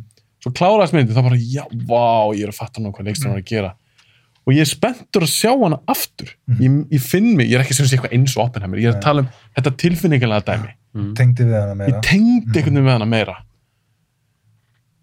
Ekki Oppenheimer. Og ég er alveg klárlega minniluta, ég veit það með að hvað ég er að fá komment og svona og skilabóð og það er allar að missa það yfir þessar- yfir þessari mynd En kannski skildur þú bara myndin ekki. Nei. Eða bara fílar hann ekki. Eða Það bara mismunandi hluti Mis- lenda mismunandi mér finnst hún alls ekki léleg Nei. og mér fannst hún mér fannst, jú, síðasti klukktíma fannst mér svona freka leðilur en fyrstu tveir, Mhm. þá bara ok Áhugavert. hún er alls ekki, mér finnst hún soldið röð Mhm. en þá verður hann ekki leiðinleg Nei. það er alltaf eitthvað að gerast, alltaf eitthvað að segja eitthvað alltaf nýjar upplýsingar en já, ég, ég veit ekki hvort ég ætla að fíla betur hans Þetta er svolítið rétt hjá það líka með tónlistina. Hún er svolítið kæfandi. En það er svolítið bara... það er alltaf í nógum já, ég, Já, ég veit ekki hvað það er. Nei. Hann heldur áfram að gera þetta. Já, mig, mig langar að sjá hann núna það hafi verið talað um þetta því tónlistin er að, er að þú getur notað tónlist til að manipuleita senu að því sportrum sequences eru líka með tónlist og það er bara, þú veist, verið bara þú veist, eins og þetta sé action sena Mhm. getur við, þú veist, það voru gæjar sem settu hérna Red Letter Media þeir tóku tónlistina úr hérna Oppenheimer og þeir settu hana yfir atrið úr 12 Angry Men. Og hann var ógeðslega já, vá, einmitt, einmitt. En bara þess að þetta eru 12 menn að tala í herbyggju og það er þögn en þannig er þetta þú veist bara, bara mér finnst það svolítið mikið. Það var fyndið hérna hérna strákunni sem gerir tónlistina fyrir mig, Magnús Jóhann shoutout, shoutout. Hann hérna fyrir mína mynd, hann hérna var spurður að hvað er að mikilvægast í, í tónlistinu þú ert að búa til skor fyrir bíómyndu og það hann sagði þögn. Og það bara, og já, satt. Þögnin inn á milli. Þö, bara þögnin þegar að tónlistin er ekki. Og það meina bara þegar að díalókur er eitthvað annað. Þegar það er engin tónlist, það er að mikilvægast á tónlistin Já. hversu áhrifur þetta er þegar hún kemur inn? Hún dettur út, hvað hún kemur inn? Og mér finnst það ógeðslega áhugaverð þannig að ég er sammála en þessi mynd hefur ekkert þannig. Nei, nema hann er að sprengja springur Já. en já, svo, svo er annað, ég, ég verð að koma inn á þannig punkt að þegar við tala um tónlistina, þó þetta sé mynd sem við erum ekki að ræða beint núna, það er Insomnia. Gæði sem gerir tónlistina ræði, þetta er David Julian. Mhm. og ég elsk hann að gaura því hann gerir tónlistina fyrir Descent. Hann gerir rosalega fallega tónlist. Mhm. og hún er rosalega, hún er miklu meira low key heldur en Hans Zimmer eða Ludwig Göransson. Þetta er svo svakalega yfirgengilegt. Og ég er svo bordur um aðrið hann ég hugsaði mér, ok, ef þú vilt endilega hafa tónlistana, það hefði verið til í kannski eitthvað svona aðeins Já, þægilega veist, ekki eitthvað tennet tónlist.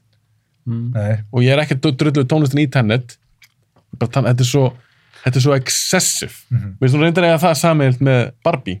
Já, Barbie er bara, þú veist, mér varst þess að ég var búin að geta sko 14 pók af kandiflúr því ég horfði á það mynd þetta var svona, þetta var ómikið ómikið það eru ekki sammála. Fannst það ég svo fór, ég fór ekki á hana. Ég er sammála þér. Ég held ég sé búin að fá ég er búin að fá þrjú bóð um að koma á Barbie og ég er búin að segja nei í öll skiptin. Þú getur huggað eitt um manni, Já, ég get hún er betur en 95 er það? Þú getur Já. huggaði við hann að Gretu Görvik vantar ekki peningin þinn. Nei, nei, nei. Þetta er, þetta er ekkit, þetta er ekkit persónulegt, þetta er ekkit skot á hana eða Barbie mér bara langar ekki að sjá hana. Sem er í góðu lagi. Ok, vil ég koma með eitthvað Oppenheimer tengt á hann að færum okkur yfir í tennet við erum búin að tala þess að þessi klukkutíma. Ég veit, þið voru sátt, sagt, mjög sáttu með hana. Þið rankið hana fyrir eitthvað hátt. Ég meina hún er í þriðasetti á Mána og Óla var hann ekki hvað, Nei. fjórða eða fimm? Var hann í þriða líka þér? Ekki þriða? Já, hann er þriða ok, er í þriðasetti þér, Já, að gæti ekki, ég gæti ekki rankað myndir, officially. Mm. nema að séu tíu ár síðan að það er svona mitt.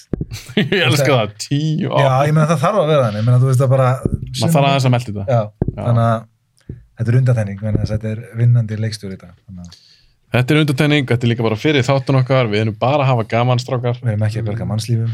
Eigum við að fara að færa okkur yfir í tennet ég held að það getur verið skemmtilega um það Uh, já, áður við gerum það um, haldið þið að Christopher Nolan hafi verið pyrraður þegar fólk á netinu var að benda á að það voru 50 stjörnur í bandarinska fánanum sem hann síndi Æ, þú veist, who cares man? Nei, held, ég, ég heldur að hann hafi sjálfur verið Nei, pyrraður ég held ekki okay, okay.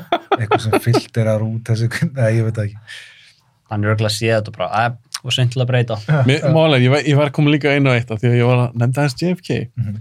mér finnst þetta svo fyndið þegar að, og þetta er líka smekksadri Mm. þegar fólk dæmir kannski einhverja mynd eins og með JFK þetta er auðvitað bara hans kenning hjá Oliver Stone. Mm.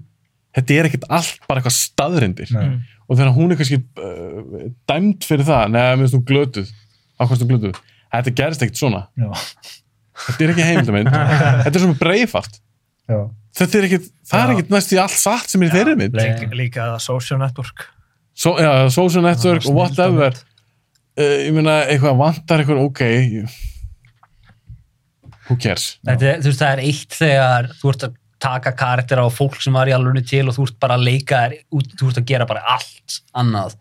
En hérna, þú ert að gera bíómynd þú ert alltaf að gera bíómynd. Þetta þarf að virka sem bíómynd fyrst og fremst. Já, nákvæmlega, þetta er ekki skemmtun. heimildamind. Já. hvað heitir Johnny Depp í From Hell? Frederick Aberline eða eitthvað svo leiðis Já, Alan Moore talaði um að þegar myndin kom út að hérna hvernig, hvernig var lístan þessu?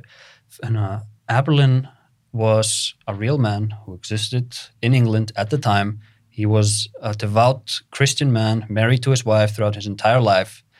To the best of my knowledge, he never cheated on her, he never drank, and Johnny Depp chose to play him as an absinthe swirling dandy in a uh, womanizing philanthropher, eða hvað sem orðið er þarna, whose haircut would have gotten him beaten up for being a homosexual by every man he walked past in the time. Alan Moore maður. hann er alltaf sérstakur Alan er Moore, best. ekki fyrir alla. ok, hvað segir eitthvað svona loka orð auðvitað getur tala endast um þessum mynd Ok, En- ég á meitt, en þetta hefur, ég sagði þetta við þig, ég sagði þetta við þig og það er textin, íslenski textin. Þetta, Ó, þetta var svona, ok, þegar stærsta kortunum mínu myndina er íslenski textin, þá uh, segi það bara quality myndirinnar. var hann illa þýtt, Uh, því. mér fannst ógeðslega leiðilegt að sá sem var að Sorry. þýða myndina tók sér ekki fimm sekundur í að reyna að þýða almennilega frasan I am become death, að því þetta er náttúrulega brotin frasi, að því hann existar í bæði í past tense og present tense, en íslenska þýðingi var bara, nú er ég döðin þetta er, þetta er bara flatt, þetta er bara present. Og, mm. og þegar ég sá þetta í bíónu þá var ég, ég held, ha? Og ég hugsaði mig í fimm sekundur, ég held nú hef ég orðin döðin þetta tók mig fimm sekundur en það er einhver professional að fá borgað fyrir þetta og hann bara, nú er ég döðin eina sem ég get sagt til að mögulega að venda þessa ákvörðun er að ég veit ekki hvernig þetta er skrifað í hérna, í hindu skriftinu sjálfu. Sanskrit.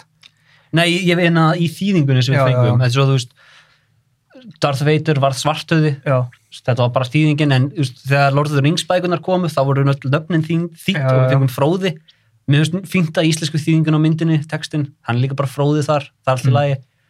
Já, já, Nei, en, en, en, en frasin kemur úr þarna, úr, úr þessu riti. Og líka á, að því þetta er að þarna, vi- hvað, Vishnu hann, hann, og frasin er now I am become death að því hann er að taka, þú veist, að því hann existar hvorki present nýja þú veist, present nýja past að því þetta er alltaf gerast einhvern veginn samtímur svona eins og hvernig Dr. Manhattan existar og mér varst mjög leim að, að einhver sem er að fá borgað að því að texta gæti ekki tekið sér tíu sekundur Hvort var Barbie að opina með betur textið? uh, ég sá Barbie með grískum texta þannig að ég get ekki talað fyrir hann En svaraði samt. þá ætlum ég að segja Barbie, því það var stafsendingu vill á síningunni líka, það var þegar það kom ég veit ekki, ég veira ekki ég er að vá, fekk ykkur borga fyrir þetta Það er mjög oft sem ég les ekki textan í bíó. Þannig að ég kannski... já, ég, ég fókusaði á textan þegar ég sá opinum því mér langaði að sjá hvernig Myndi hann- þýði þetta. já, bara þess þegar frasin kom, þá leiti ég niður á textan Já, já. og ég var bara, vá, Já, mikið slátt sens. Ég pældi ekki í þessu. nei, þetta er eitthvað sem ég spái venjulega aldrei, en þarna þarna var einhver undatekning í heilunum á mér Það er svona sem er Ég var ekki að horfa á textan þegar Florence Pugh var nakir núna Killian Ok, ég ætla að fara að segja, nú ætla ég hægt að við þetta. Ég ætla að fara að segja, það sem gaman að fá Óla og Mána í þáttinu af því að að pæla eins og írskandlitið eitthvað að kranka þessi 11. það, það allir eru að tala um það Ég Það er bara mjög að neutralize þetta. Og, text, og textavinnsla hjá mér og textavinnsla og eitthvað svona. Nei, teitur, ég fæði þig bara að þú ert svona eðlulöku. Já. Ég er að tjóka. Ok, höldum áfram. Förum í tennet. Erum í Tenet myndin sem bjargaði bíóhúsum Ok, strákar, það. strákar Hún er lágt hjá okkur öllum mm. Finnst ykkur hún vera léleg mynd? Já. Já, Ok sko ég ætla bara að segja það út af þessum þætti, þá er ég svona nánast hata þessa mynd. Að því þú þurftur að horfa á hann aftur Að því já, ég, og ég reyndi að horfa á hana og ég horfði á hana. hann sagði Þetta mér var- áðan að þetta er ein, ein af tvei myndum sem hún hefur langað að lappa út af. Mér finnst Ok. þetta bara mesta rusl sem ég nokkuð maður segja. Og ég er kannski ekki alveg þar. En ég bara, já, ég var ekki þar. Veist, er brjál. já, ég ætla ekki að tala. það er heitt í hamsi Ok. Það verður gaman líka samt að þessu mynd. Við erum auðvitað ekki að fara að rífast. Nei. Og það er enginn að að sannfara einnig um Nei ágæti þessara myndar. En mér finnst hún áhugaverð, þá er ég að meina að því mér finnst hún bara ekki virka sem bíómynd. Nei. En ykkur finnst hún, þó hún hafa rankað látt hann hjá okkur á nólulistunum, sem segi ekki samt ekki nefnilega mikið, því að ykkur finnst hann hafa gert marga svo, mm. svo marga Mm. góðmyndir. Að því að sumu fannst hún bara ótrúlega áhugaverð, Já. spennandi og bara gaman að pústa saman þessari, þessari bíómynd og eitthvað. Þess vegna er ég svolítið spenntur að ræða þetta. Þetta er kannski svona tveir á móti tveimur, Ég, að því ég á teitur um sammála þó ég sé kannski ekki alveg, veist, ég hata mér sem postmót tvö örgulega meira en þessa til dæmis. ha? Ég er að koma með eitthvað svona hot take Já, fyrir eitthvað svona hlusta, við vorum að ræða þess Mission Impossible 2 hérna fyrir þáttin og síða hárið hans Tom Cruise í þeirra mynd Viljum við að jákvæða hliðið byrji? Viljum við að neikvæða hliðið byrji? Hvað er þetta kæfra þér núna? Sko, já, ég bara, Mér finnst hérna Má hann er byrjað þetta? byrja þetta. borða Ég, hérna ég er rosalega sáttur á Nolan er komin í svolítið gott grúf að gera bara svona mjög stórar big ensemble World War II myndir bara fallegt, sjá meira af þessu frá honum mér finnst concept action myndirnar hjá Nolan vera minnst spennandi myndirnar hans um, hvort sem þær eru vel gerðar er ekki eins og þú veist, Tenet, Inception ég myndi setja þær í svona sama dálk af Nolan myndum um, mér finnst Tenet mér finnst konceptið rosalega áhugavert mér finnst executionið vera líka mjög gott. Mér finnst að eina sem virkilega tekur þessa mynd tilbaka er að karakterinir eru allir hundleðilegir fyrir utan mögulega Kenneth Branagh ég hef gaman af Kenneth Branagh í henni. Ég hefur gaman af þeim karakter að hefur gaman að kenna brana. Ég er nefnilega, ok, þetta er, er ósangið spurning um, um, Þú er samt í minni þegar við sáum hann í bíó þú, þú, þú elskaðir karakterina því það var bara alveg, vá, þetta er bara ílskur maður Sator. Þetta er ekki Sator. já, því að hann bara, herru, ég get ekki feikið að lifa enginn fær að lifa Já. hérna, Ílskur er ekki rétt, illur maður. Ílskur maður. Ég ætla að segja þetta- Nýtt orð. Já, ílskur Hann bara, hann fer á sinni eigin stall Máli, haldt árum. hérna já, ég veit ekki, ég, hérna, ég skil af hverju hún er svona lágt hjá svona mörgum um, Af hverju er hún svo látt? Af hverju er hún ég veit það, nei Þú segir skilja það. hérna, Hvað er fólk að segja? um, hún er rosalega þetta er rosalega exposition heavy mynd Mhm. alveg það er oft það sem að það er gefið þér, þú veist, þú er komin inn í miðjumyndina og þau eru ennþá að útskýra fyrir þér hvað myndin er um. Þessi mynd er að justify þessi dayið existence. Strákur, þú mátt alveg bara skerðu myndina bara. Um, ég held að kannski skildi lögald að segja en hérna, hvað heitir hann, John Washington. John David John David. John David. Hann er mér finnst hann rosalega lélugur í þessari mynd Hann fekk ekkert að gera það. mér finnst þetta performance vera Hvað er þetta að tala um? Hann pantaði hot sauce sitt fyrir klukkutíma Hvað sem finnst að lélur í myndinu? mér finnst hann lélugur, mér finnst það svolítið leiðilegt að veist, hann er með veist, hann er partnerað með Robert Pattinson og Pattinson hann er svona hann- hann er mikið skemmtilegri karakter að fylgjast með um, já Það er kannski líka því að hann fekk nafn. Oh, no. Ég er að tjóka. The Protagonist Nei, ég er þannig að því að Pattinson karakter fær allavega nafn, yes. Neil. en nei, hann er bara protagonist. Mér finnst ekki það því Mér er ekki þótt neitt að því að þetta hefur verið karakter. Nei. einu segi, þetta er rosalegt svona þetta er, þetta er svona swing og ég, ég hef rosalega þe- þetta er ekki örugmynd Nolan var ekki að segja, já, nú ætlum ég bara að gera launa. Nei, hann, hann 100% ákvað, veistu, nú ætlum ég að gera konceptmynd sem að þú þyrftir að fara djúpt í bíómyndaskóla til að finna eitthvað gæja sem að myndi nenn að setjast niður og kortleggja nákvæmlega hvernig öll atriðin munu þræðast saman að því að sagan hún virkar frá byrjun til enda og tilbaka Já, og hérna But does anybody care? Það var mín spurning. já, já, það er nefnilega máli þetta er svona, þetta er svo, þetta er svo mikil konceptmynd en hann ákvað bara, já veistu, ég ætla að gera hana Ég ætla ekki að endur hana svona 20 sem viðbót, ég ætla bara að gera það.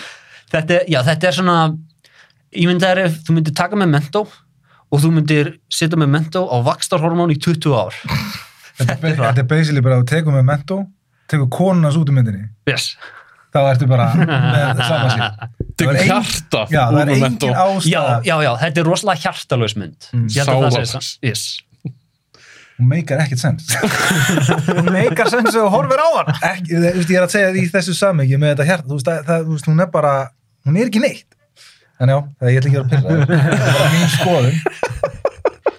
Ég elska það einhverju Nei, ég, ég, ég, ég, ég er tilbúin að leifa öðrum manni tala Óli, þú, Þú elskar hana. Já, ég elska það nei, Óli er það svona, þú veist, jákvæða megin. Ég man þegar við, við ekki mikið talað um Tenet. Nei. En svo það er þér alveg fannst búið að banna tennet tal fyrir sennan þá Nei, nei, nei, nei. Óli, kottaðis með það. Ég meina, hvað, það er eitthvað við hana sem þú ert að grípa, eitthvað sem þú fílar. Já, hún er samt, þú veist, í 11. seti á mér á þessum topp 12 lista hann Já, það getur líka bara verið að þú ert mikill og með skilur. mér finnst engin Nólamynd straight up léleg Það myndur þú kalla Tenet góða mynd? ég, það er því það er, það er mjög mikið sem þarf til að kalla mynd góða en mér finnst hún ekki slæm en Virkar hún? mér finnst hún virka og ég sá hann í bíó með Mána svo horfði ég á hann einhvern tíma með bróðum mínum eftir og mér fannst hún virkaði betur fyrir mig annarsinn uh, en concept-wise þá finnst mér eins og Máni segir, það er æðislegt að einhver bara settist niður og kortlaði hvernig þetta á að fara. Exposition er rosalega mikið en þetta er high concept mynd og þetta á að vera meira spectacle. Þannig að það trubla mann svolítið mikið hvað það er mikið exposition og stundum það druknar það bara. En veist, Robert Pattinson, veist, hann er náttúrulega bara góður af því Pattinson er bara snild. Kameran elskar hann. Já, kameran elskar Pattinson og það var ég vildi að þeir hefði gert meira með hérna Tenet dialogið þar sem þeir eru að nota þetta, veist, merki og tróða orðinu Tenetin í setningu til að opna ákveðnar dyr. Mér fannst það aldrei að því það var sagt að veist, í combination, þú veist, þú bara gerir þetta og segir Tenet einhver staðar og þeir eru hleyftin um ákveðnar dyr, opnar sumar dyr en ekki allar, við fáum hann aldrei sjá fáum reyndar aldrei moment þar sem þetta klikkar sem er mjög leðilegt mér fannst þess að það hefði getið verið gott sett fyrir eitthvað. En þú veist eins og atrið í rauða og bláa herbygguna sem við sjáum að spila tvisvar þú veist að því það er samræða í gegnum glerið og virkar tvennskonar að því þú veist hún virkar bæðið fram og afturbak og ég bara wow, að setjast niður og skrifa þá samræðu hefur verið hausverkur að því hver einasta lína þarf að virka. Þannig að finnst rosalega gaman að fylgjast með og sjá hvernig þessi mynd er sett saman virkar það 100%? Nei, en mér finnst bara gaman að sjá gæja eins og Nolan sem basically getur carte blanche gert hvað sem er og hann ákveður að gera þetta, mér finnst það fascinating af því þetta er ekki, þú veist ha, really? minni, minni leikstjóri hefði sest niður og ákveðið ég ætla að gera mynd um mann og þessi maður, hann er ástfangin og þau búa í New York og ég ætla að hafa hellinga dialogi það er það sem minni leikstjóri hefði gert er það að um? en sko, þú veist, hann hefði bara, bara hann hefði bætt við, þú veist, ástæðu, skilur Þú veist, ef það hefði verið eitthvað hjarta í karakterinum sem hefði dreigið hann út í aðstæðunar, Mm. þá hefði myndin verið allt öðruvís. Mm. Mm. Þú veist, Það sem mér spara svo magna við þessa mynd, að því ég reyndi að horfa á hann aftur. já, Ó. Það sem mér finnst magna við þessa mynd, mér finnst Nolan bara hafa gert svona mynd áður Mm. sem virkaði. Mm. Það er Inception. Já. High concept mynd, mikið exposition og mörgum finnst, mér finnst þetta Inception ekki flókin, en mörgum fannst hún flókin og finnst henni ennþá flókin. við erum náttúrulega búin að læra svo mikið meira fólk bara er búið að læra mikið meira hvernig á að lesa bíómyndir síðan Inception kom Mhm. út Já, já, en mér fannst hún ekki flókin 2010. Mm. Allavega, pointum þetta er, mér finnst ég hafa, ég er með svo svakalt viðmið. Þú gert svipað mynd Mhm. og hún virkaði. Mm. Fyrir mig persónulega þá virka Tenet Af því að það er svona með Inception, og nú er ég nýbúin að horfa á hann aftur, og sjá hann alltaf sinnum, Mm. Eitthvað hjarta. Mhm. mm. Þú fattar hvað kopp er hann að gera og eitthvað sál, það er eitthvað drama. og þetta er svo lítið, Já, mænút sem að gera bara, Já, það er, það er svo snildalega vel gert Já. í Inception. já, Þannig að þú, allt þetta draumadrasl, allt þetta exposition dot og allt þetta high spectacle eitthvað, mhm. ég, ég, ég til í þetta, svo Tenet, ég reyndi núna að horfa aftur á hana, ég horfði með svo YouTube, eitthvað 20 minna YouTube myndband áður en ég horfði aftur á hana, bara svona Tenet Explained. Og ég alveg horfði á þetta, að því saman, nú ætlum ég bara, ég ætla að gefa, að sína þessari mynd virðingu og bara, ég ætla að horfa aftur á hana. nákvæmlega sama. Ég hata hann í bíó á sínum tíma, ég ætla að gefa henni annan séns, ok, nú tjekka ég henni, bara ég ætla að undirbúa mig, horfa á þetta vídeo og eitthvað, svo byrjaði myndinni, ok, cool tónlist, mm já, já, myndutækan og svona, svo líði ég bara myndina og ég var búið með 100 myndur, það bara slögt ég. Mm. Mér er bara sam allt í þessari mynd. Já, mér finnst samt ekkert að því ef mynd vill bara fara með það frá point, one, point A to point B. Þetta, þetta er bara svolítið þannig mynd. Þetta er bara, þetta er spectacle mynd og þú, þú veist, þú þarf bara í raunin að setjast niður og slokka heilanum aður. Já. Sem mér finnst fyndið að því þetta á að vera svo flókin mynd. Mér finnst það ekki. Ég, ég get bara fylgst með. En þú veist, það er það sem að allir tala um, þú veist, í þessum heim, þú veist, það er að búa til relatability, skilur, Mm. hvernig þú tengið þig inn í myndir, skilur, þú veist, það er eitt að fíla það ekki og eitt að vera eitthvað, þú veist, hún gæti alveg verið nákvæmlega eins eða það væri bara eitthvað smá, þú veist, sem myndi, Já, þá eru fengið Inception. já, en ég meina, þú veist, Eða, skil, nei, ég er að tala um, þú veist, hann er búin að sína það, Já, ég veit, hann já. getur látið þetta virka. Já. Svo bara að gera tennet, hann bara strýpar það í burtu Nei, en ok, þá ástæðum við líka átt að ræða þessu mynd en þá við líka rætt hvað er það sem við fílum við bíómyndir Mm. hvað er það sem gerir góða mynd til þú hlæra þessu Ég held að það sé, ég held að sé engar konkrét reglur fyrir það. Að því, að því það er alltaf einstaklismyndu þetta Já, en, en það er líka maður getur sagt að maður fíli þess og þess og mynd og síðan kemur einhver svona dark horse bíómynd sem fylgir enga meginn þar sem maður fílar en maður fílar hana samt að því myndir eru rosalega geta verið surprisingly abstrakt og ég er ekki þú veist eins og ég er ekki alltaf rosalega fyrir abstrakt myndir en ég fíla David Lynch. Mhm. en ég, en ég vil ekki allar myndir séu eins og David Lynch myndir. Nei, nei. ég er alveg að komast að því hjá mér persónulega.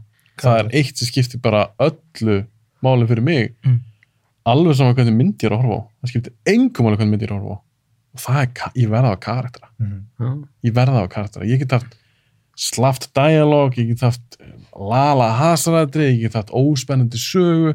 Ef ég með skemmtilega eða góða áhugaverða, áhugaverða karaktera þá er ég eiginlega til í allt. Já. mér finnst ég bara alls ekki fá það í í tennet. Af því það er engin karakter Kenneth Branagh. Hann er svo umulugur í henni. Og hann- ég gata hann ekki. Af hverju er hann í þessari mynd? Að því að þú þarft að fá mann sem getur leikið rússa. Af hverju ekki að fá rúsa að því að þú getur fengið Kenneth Branagh. En mál er, ég er svo með að drull eitthvað við kennið frá þegar ég minnst það svo Já, ég er alveg samanlugur Besti Harry Potter karakterinn. sammála.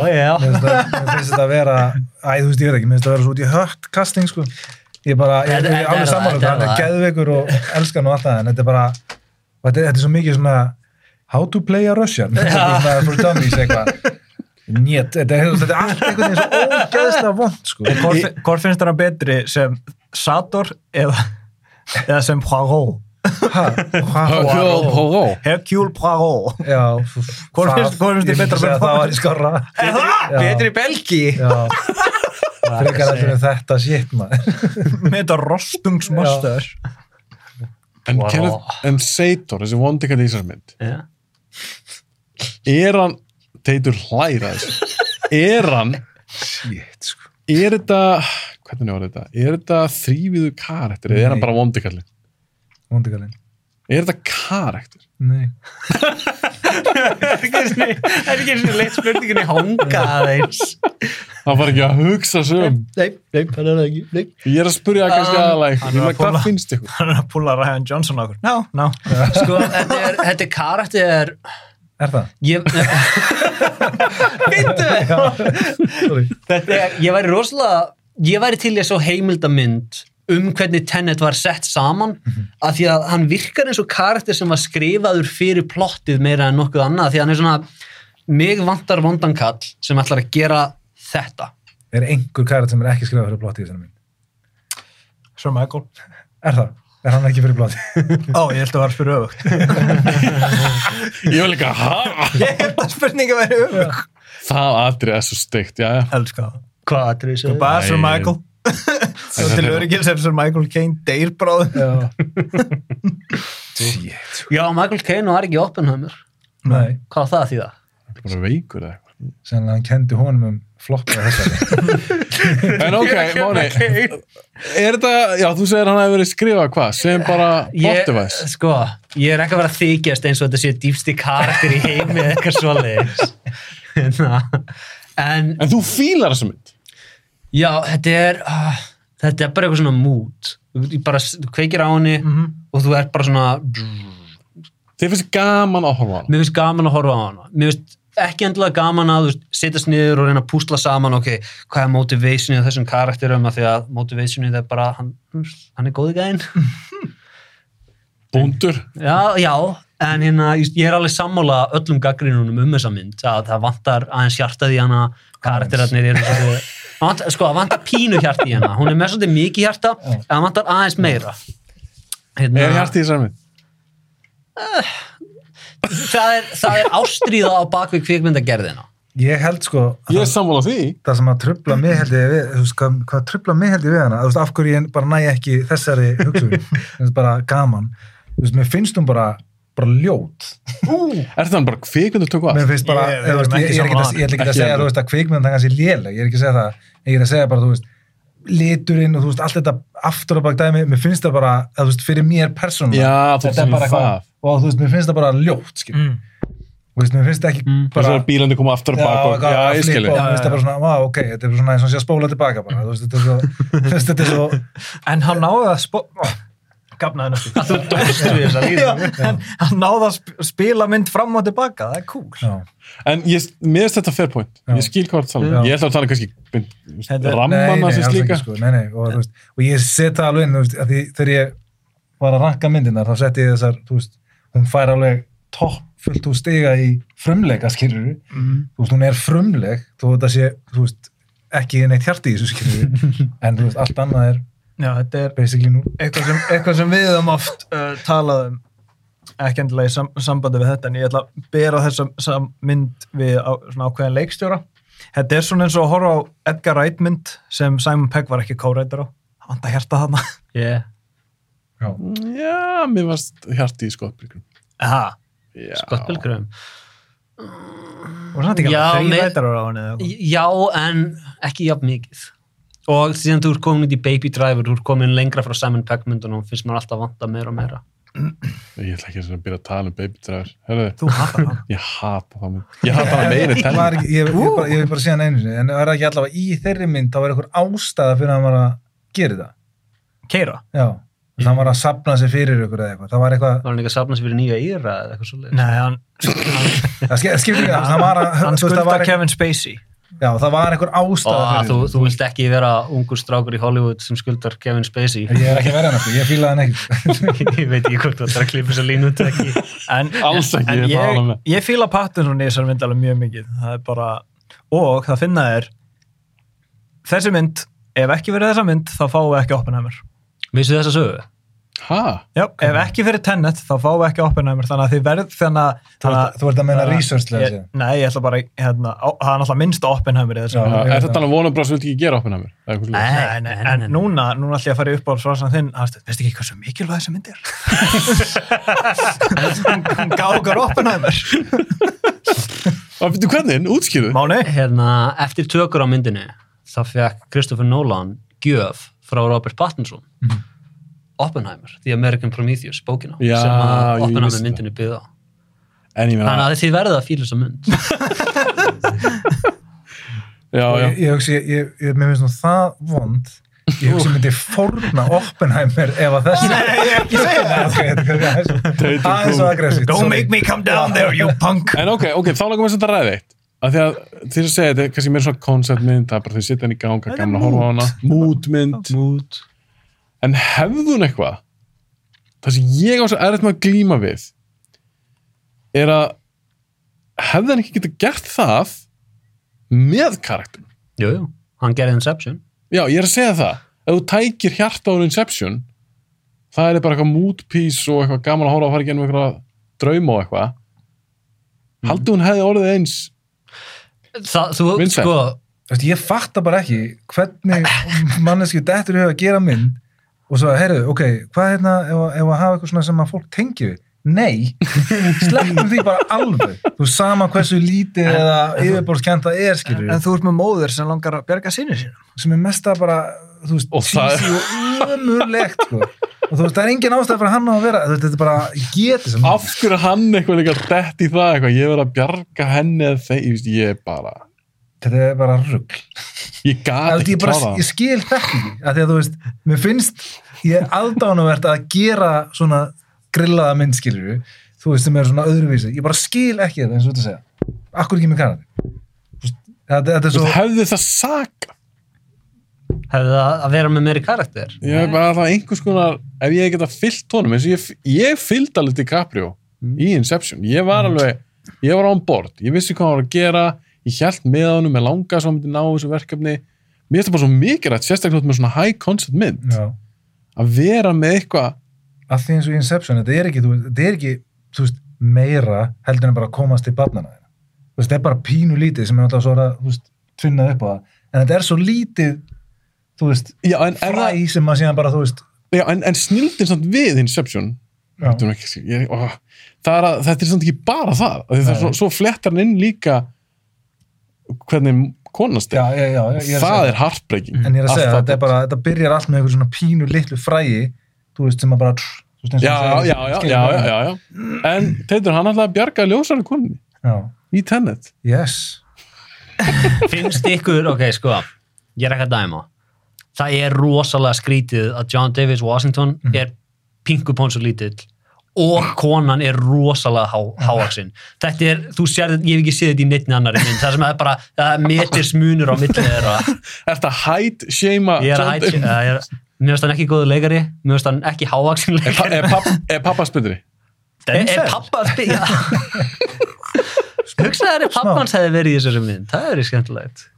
Ég hugsa að Denzel hefði nú heita karakter. Já, ég er að segja það. Denzel hefði getað tekið nákvæmlega sama efni og gert karakter úr þessu hann er það góður. Ég held bara Já, máli að Denzel sko. Elska Ég meina, dans. það er það sem gerðist við Inception.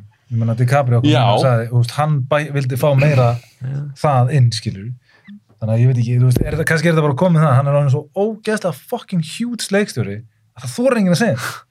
Ég er genuinely Ú, það gæti verið. Já, Það þú veist, eitthvað lesi þetta já, ég skildi ekki alveg, En þetta er ekki geðið Ég- Jó, þú veist, ég held það, ég heldur, genuinely held heldur það. þetta sé bara að Washington hafi verið hrættur um að byggja um meira. Já, hund, þú veist, ég, Að Nolan- hvað hvað þarf hann að segja, ég veist að, að Nolan hefði hugsað ok, leikararnir mínir, þeir munu sjá svolítið um karaktervinnuna Já. og að hann hefði ekki þóraði eða... Já, ég, ég held að hann hafi ekki verið með sama gravitas og DiCaprio Nei, að koma bara, herðu, það vantaði hérna aðeins, það er ekki tjarta Hvað þvæl er það? Já, Þess vegna líka finnst mér Pattinson tölver betri. Já, Hann er líka bara tölur betur leikari. já, hann er awesome. Hann, Sjarmur við elskum Pattinson. En svo getur vel verið, ég veit ekki, veit, vitið þið það eitthvað, kannski var hann að reyna við einhverja fleiri leikara og náði bara ekki nefnum nöfnum og fór niður listan ég bara, ég bara up and coming, skilur við hann er með Pattinson í myndinni. Hann hefur leitað á að valið Washington. Ég tek bara undir þessu máli að ég væri til í að sjá bara svona giant behind the scenes Mhm. á bakveð þessum, mér langar að sjá mér langar að sjá Heart of Darkness já, heimildamöndina mér langar að sjá allt prósessið bara down sérstaklega fyrir tennet, er það alveg það? já, bara fyrir tennis, bara down to the casting og bara blueprints og allt mér langar bara, mér langar að sjá mér langar, mér langar að fara inn í hausin á Snólans og svona sjá, sjá, sjá alla gýruna snúast En bara þú veist, svona. allir þessi viðtölög sem að sé við hann, veist, hann er bara einhvern veginn að, veist, hann er einhvern veginn að afvega leiða umræðuna svo mikið. Þú veist, það er enginn að tala um vandamálið í myndinni. Það er alltaf að tala um, bara, ó já, þetta er flúvelin, og svo hann að berjast við sjálfan sig og fara aftur á bak. Þú veist, það er alltaf að tala bara um þetta svona stóru vinklana í myndinni. Það er einhvern veginn aldrei, maður sér ekki neitt svona, sem ég er alveg sammálaði með. Það væri hrikalega áhugavert að vera að á vegg eða eitthvað. Mm. Meina, veist, heldur enginn þóra að spura í það? Ég held ekki. Ég veit það ekki. Ég þekki ekki Nólan. En mér, já, já, já.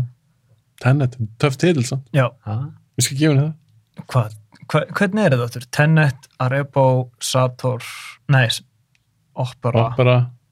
nei, Tenet er í miðinni Protagonist. Stór nei, Tenet er í miðinni, það er hvað, Arebo ég man að því Já, en svo allt þetta til dæmis. Eitthvað, ég elska hvernig það er svona þrætt inn í myndina því þú finnur öll orðin já, en allt þetta sem hann er að gera í þessar mynd, mér er bara alveg sama um allt. Mér langar ekkert til þess að púsla þessu saman. Mér eins og loka atrið, Jésús Kristur. Sjaldan hefur mér leiðist jafn mikið í Já. bíó. Mm. Sama. Loka, er þetta þannig bardaðatriði Já. stóra? Mér, ég sko, ég er náttúrulega, eins og ég segi, ég er alveg sammáleikur, það vantar, mér finnst alveg vantar allan svona karakter og ástin í það, en ég get, ég get sest niður og sagt, veistu, hann var í alvörun að skemmta sér rosalega vel við að taka þessa mynd upp, Já. að búa þessa mynd til hefur örgulega verið ógeðslega gaman. Fyrir hann. Já, bara að fá að eyða tíma með, þú veist, krúinu og bara, heyrðu, hvernig nákvæmlega einn gæi er að berjast aftur á bak við hingæjan, hvernig logistically er hægt að taka þetta upp, það hefur örgulega verið ógeðslega gaman að vinna á veist, ég held hann hafi no joke bara að það hafi verið það sem að ástæðan fyrir enginn hafi sagt mér. Svona hafi verið að afvega leiða struktúrin á þessari, þessu sögu að sem er ekki, veist, annað heldur en bara spektakulið, skil. Mhm. Þannig að þú veist, þegar hann hefur verið að pizza þessu þá var þetta bara, já, þetta er gett svona, þetta berjast aftur og baka það og þetta er eitthvað, ó, já, já, já, og svo glemdi þetta bara svona, en þú veist, hérna, hjarta, eitthvað, þú veist. Eitthvað point. Já, þú veist, hann hefur verið bara að selja þetta, bara, "Á, svo að taka þetta flugul, maður springir flugul. Það er bara svona litla, nei, bara stóra. "Ha, já, ok, já, maður, vá, ég, já, en ég, Já. Síðan eru að fara, það verður hellinga gulli sem mun fara út um allt og hérna, já. já, að ég var að fara eitthvað með þetta en ég ákvaða var ekki eins og við. En það hljómar að þið sé ekkert það hefnir hann. Hver var fyrir neðan tenni? Ó, Insomnia.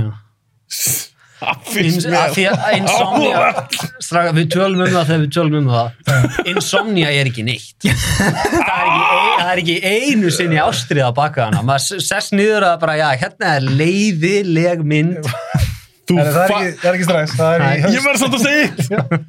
þú nærði ekki þessu performance upp á tínum eða er engin ástrið. Og þú meina þessu hundleðilega performance það sem að gæin er að sofa í gegnum myndina. Hann sefur ekki.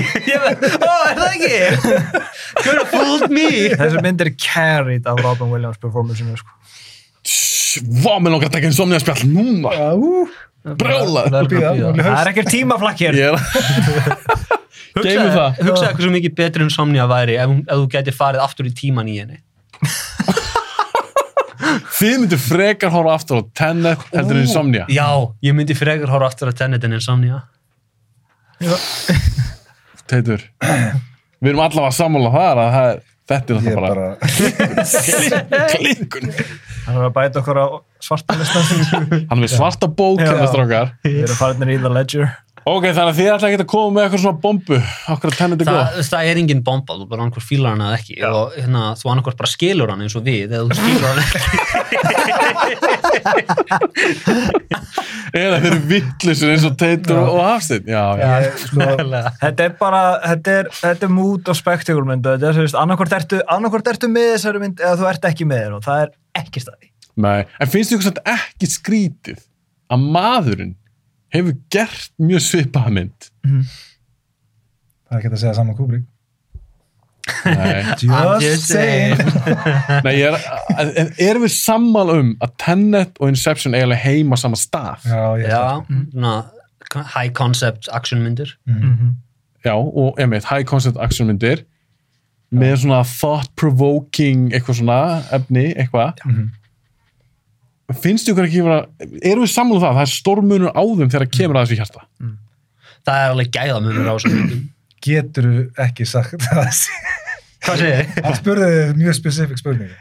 Jú, jú, jú, ég get sagt það, ég get sagt það. Það er alveg gæðamunur á þessu.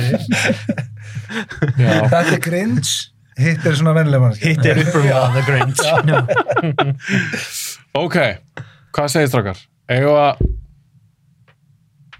við að Við að taka smá break, við erum búin að tala núna nýjast í 100 myndir hundi. All right, Alright. smá break. og næst þá tökum við þrjár er það ekki bara fínt? Jú, jú, jú. Jú. Bam. getum fyllt á vatni og svona við erum búin að taka Oppenheimer og Tenet. Og okkur finnst hún all góð, okkur finnst hún all misgóð. Mís, góð. Hún datt pínu í sundur í endanum fyrir Hafstein og það teitur skildar ekki. þú var sammuræsir bara sem Teitur, þér fannst það svo allt í lægi smá vambri Smá. Jesus, maður. Þetta er ánarður sem búin með þessa mynd, maður. nei, nei, höldum, höldum umröðan Oh áfram, my höldum bara God. myndinni. höldum þessi lifandi, höldum þessi gangandi ok, Tenet er búin strákar, tökum smá pásu hittist eftir tvær myndur Maður spyrja þess að svona off mic. Myndiru hata hana jafn mikið ef þetta væri ekki Nolan? Ef þetta væri bara svona fyrsta outing og maður náttúrulega minna budget kannski, ef þetta væri einhver annar leikstjóri,